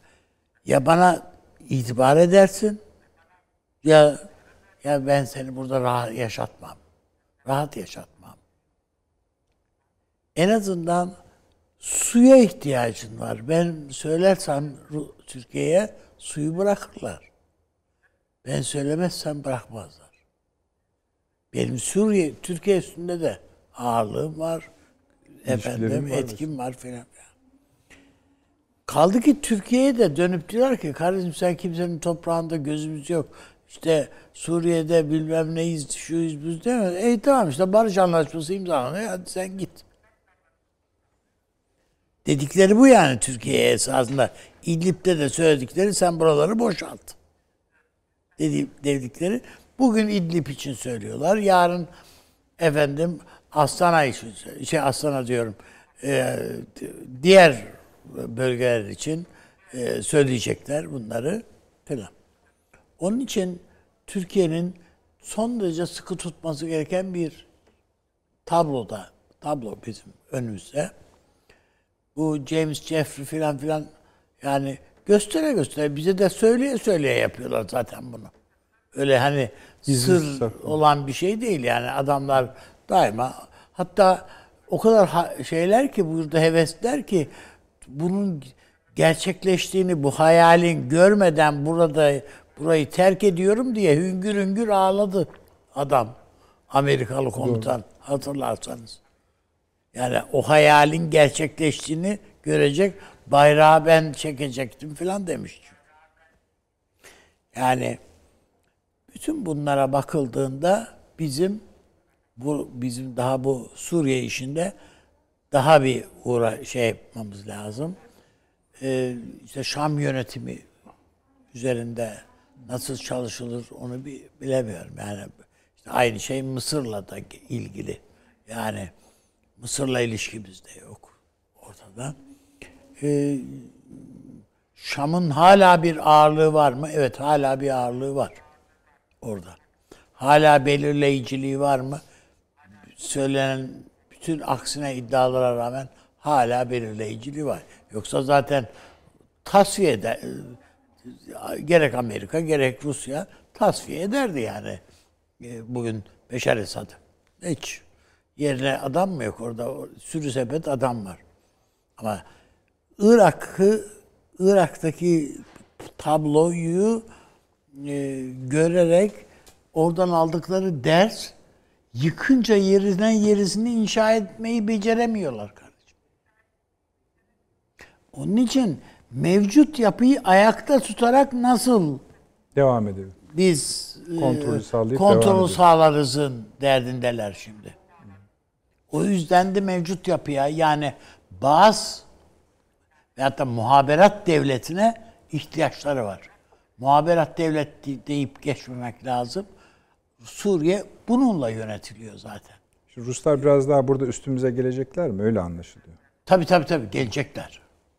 Yani e, biz e, Rusya'nın böyle diş göstereceği şeyleri yaşamadık daha.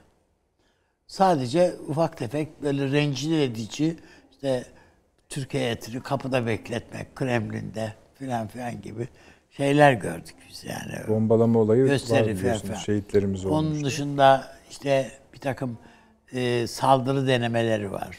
Şunları var, bunlar var. Kayıplarımız var.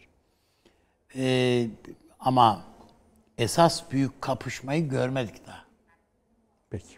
Yani onu gösterirler mi? Evet gösterirler. Yani öyle bir noktaya geliriz. O yüzden Türkiye'nin bu noktaya yani bu Jeffrey ile falan hala ya randevu vermeyip gönderebilirsin yani. Git kardeşim benden ne görüşüyorsun yani git hadi Irak'a mı Suriye'ye mi gidiyorsun Irak'a mı nereye gidiyorsan git diyebilirsin.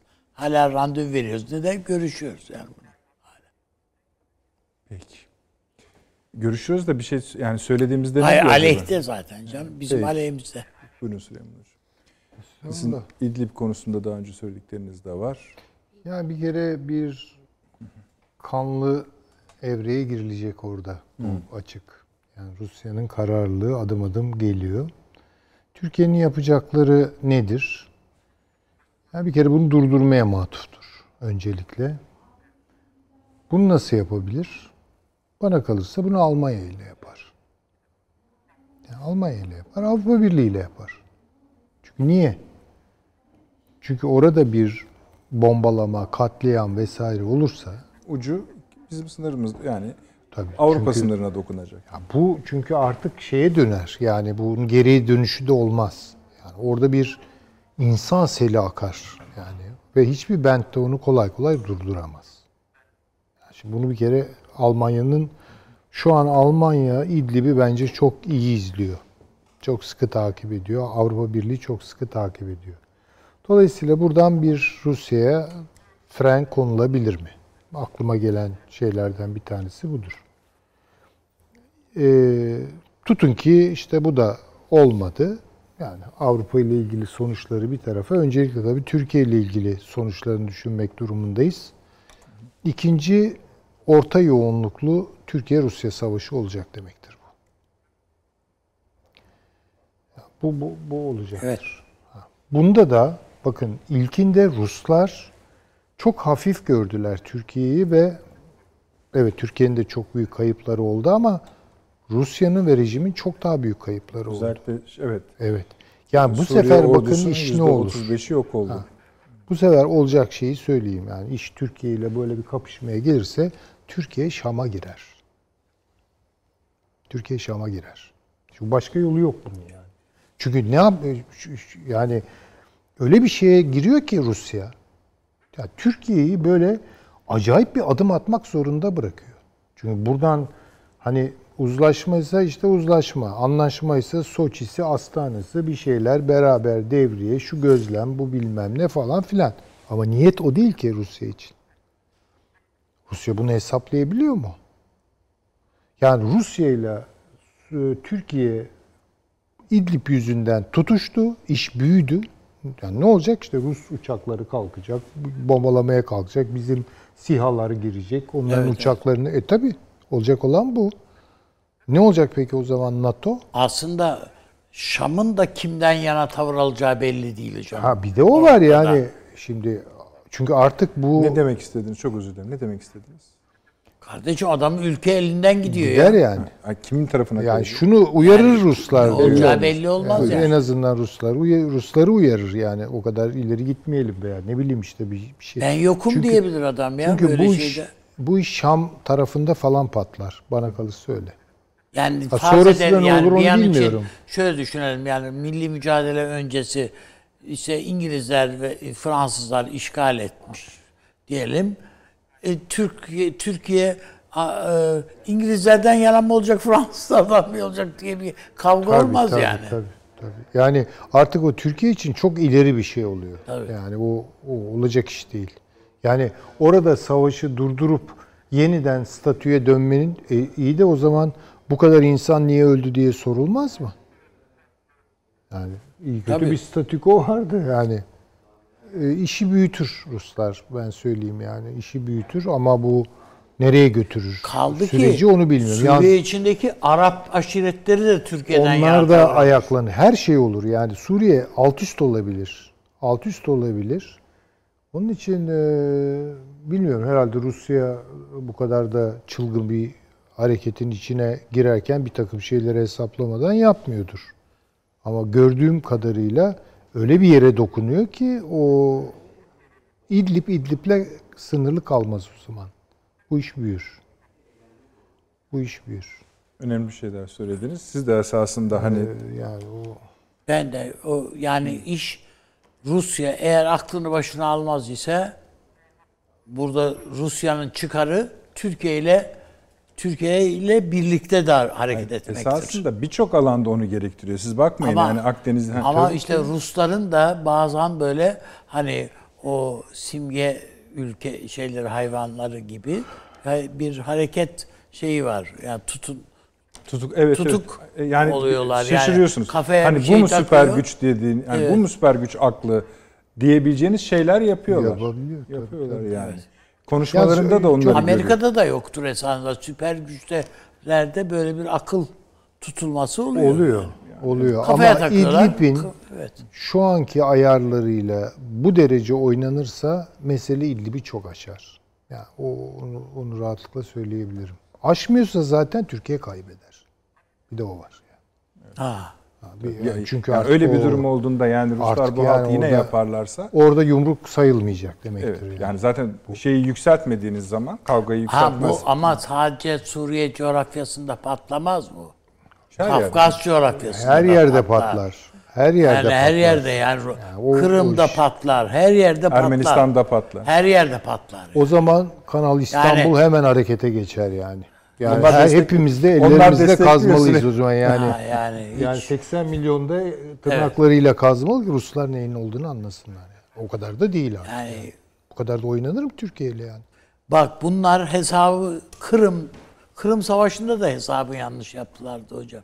Türk ordusu bitti diyorlardı. Diyorlardı. Ha, gördük işte orada gördüler.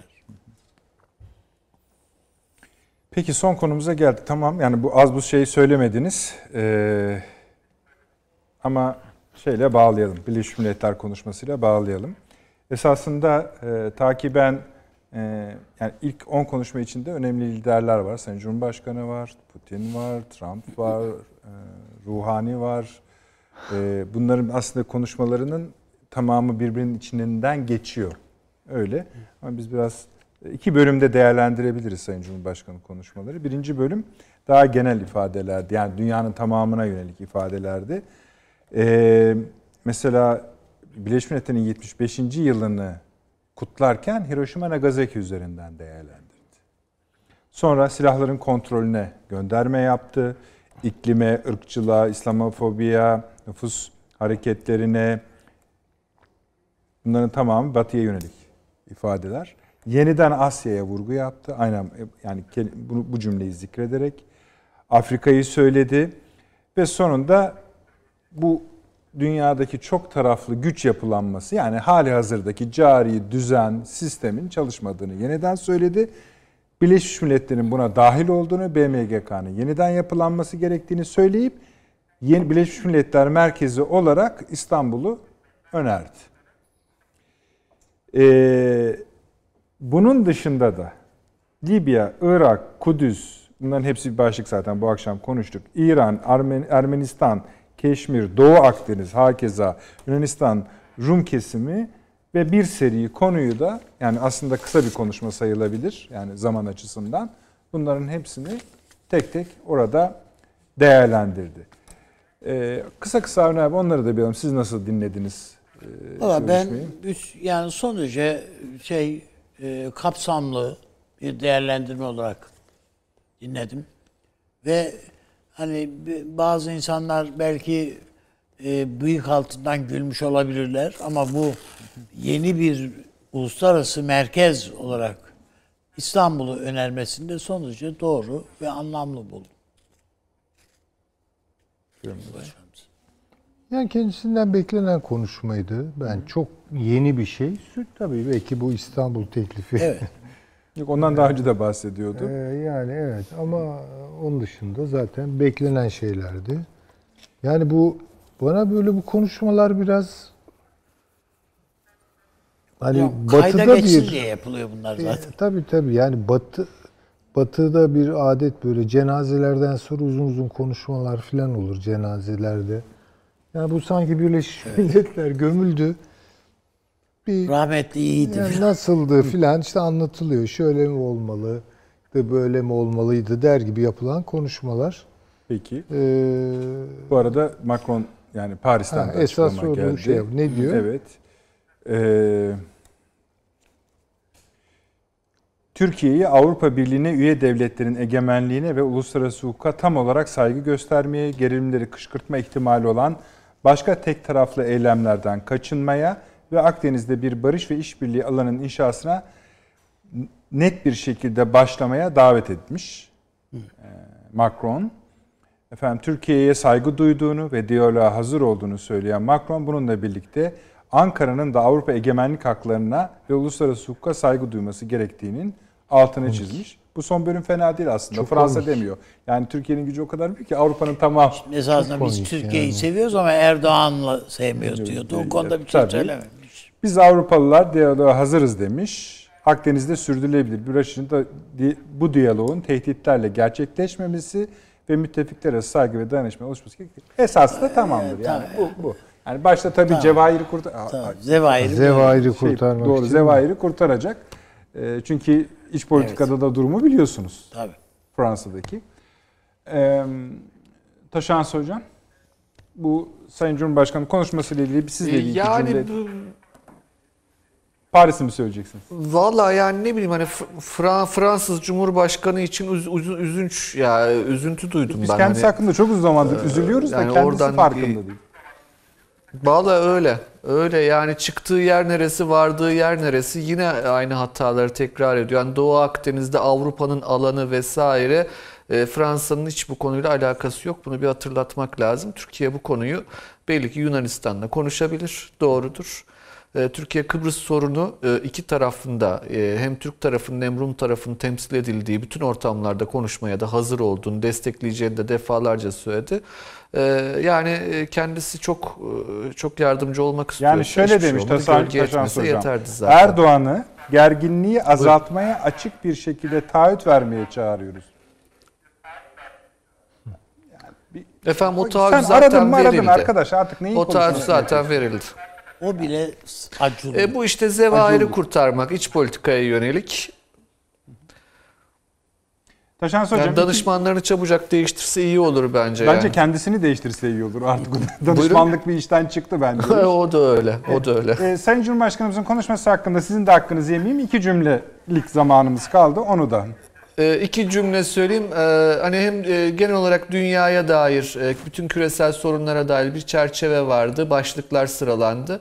E, Türkiye'yi ilgilendiren önemli konular da onlardan da bahsedilmişti. Ben en çok tabii hani İstanbul'da bir BM'nin üssünün açılması, bir BM merkezi olmasını önemsiyorum. Hani Viyana'da bir BM merkezi varsa eğer Avusturya Macaristan İmparatorluğu'nun eski başkentinde e, Türk İstanbul'da da bir e, BM temsilciliğinin e, e, açılması ziyadesiyle önemlidir, e, manidardır, gereklidir, mantıklıdır diyelim. Peki. Çok teşekkür ediyorum Taşans Hocam. Efendim uzun bir program oldu bu akşam. Ee, eksik kaldı mı kaldı. Bağışlayınız ama bütün büyük parçalara değindiğimiz gibi kritik parçaların tamamına dokunduk. Bunlar özellikle İdlib, e, Irak'ın kuzeyi meselesi, tehlikeli işler, Libya'ya Libya'nın şöyle bir tozunu aldık. Tabii en önemli konulardan birisiydi. Avrupa Birliği Türkiye meselesiydi. Doğu Akdeniz krizinin düşmeye başladığını görüyoruz. Ee, Fransa Devlet Başkanı Sayın Macron'un Sayın Cumhurbaşkanımızı aramasında bu vesileyi ekliyoruz. Bir insan merak etmeden geçemiyor. Şimdi mesela bu kadar olay oldu. Ee, acaba görüntülü müydü bilmiyoruz ama herhalde telefon görüşmesiydi. Mesela siz yani ilk ne ne demiş olabilirler?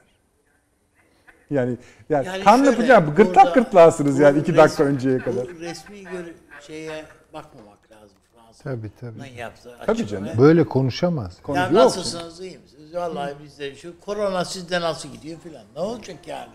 Tamam. Peki. Teşekkür ederim Orhan abi. Süleyman Hocam çok sağ olunuz, var olunuz, yorduk bu akşam. Tajans Hocam çok tuttuk sizi. Ankara Stüdyo'da yalnız başınıza. Esta, estağfurullah Ee, efendim. Sağ olun. Ama seyircilerimiz sizi takip ettiler. Yalnız bırakmadılar. Biz de öyle. Ee, efendim çok teşekkür ediyoruz. Tabii ki, tabii ki. Ee, Perşembe akşamı saat 21'de yeni bir dünya ve Türkiye gündemiyle huzurlarınızda olma, huzurlarınızda olacağız inşallah. İyi geceler diliyoruz.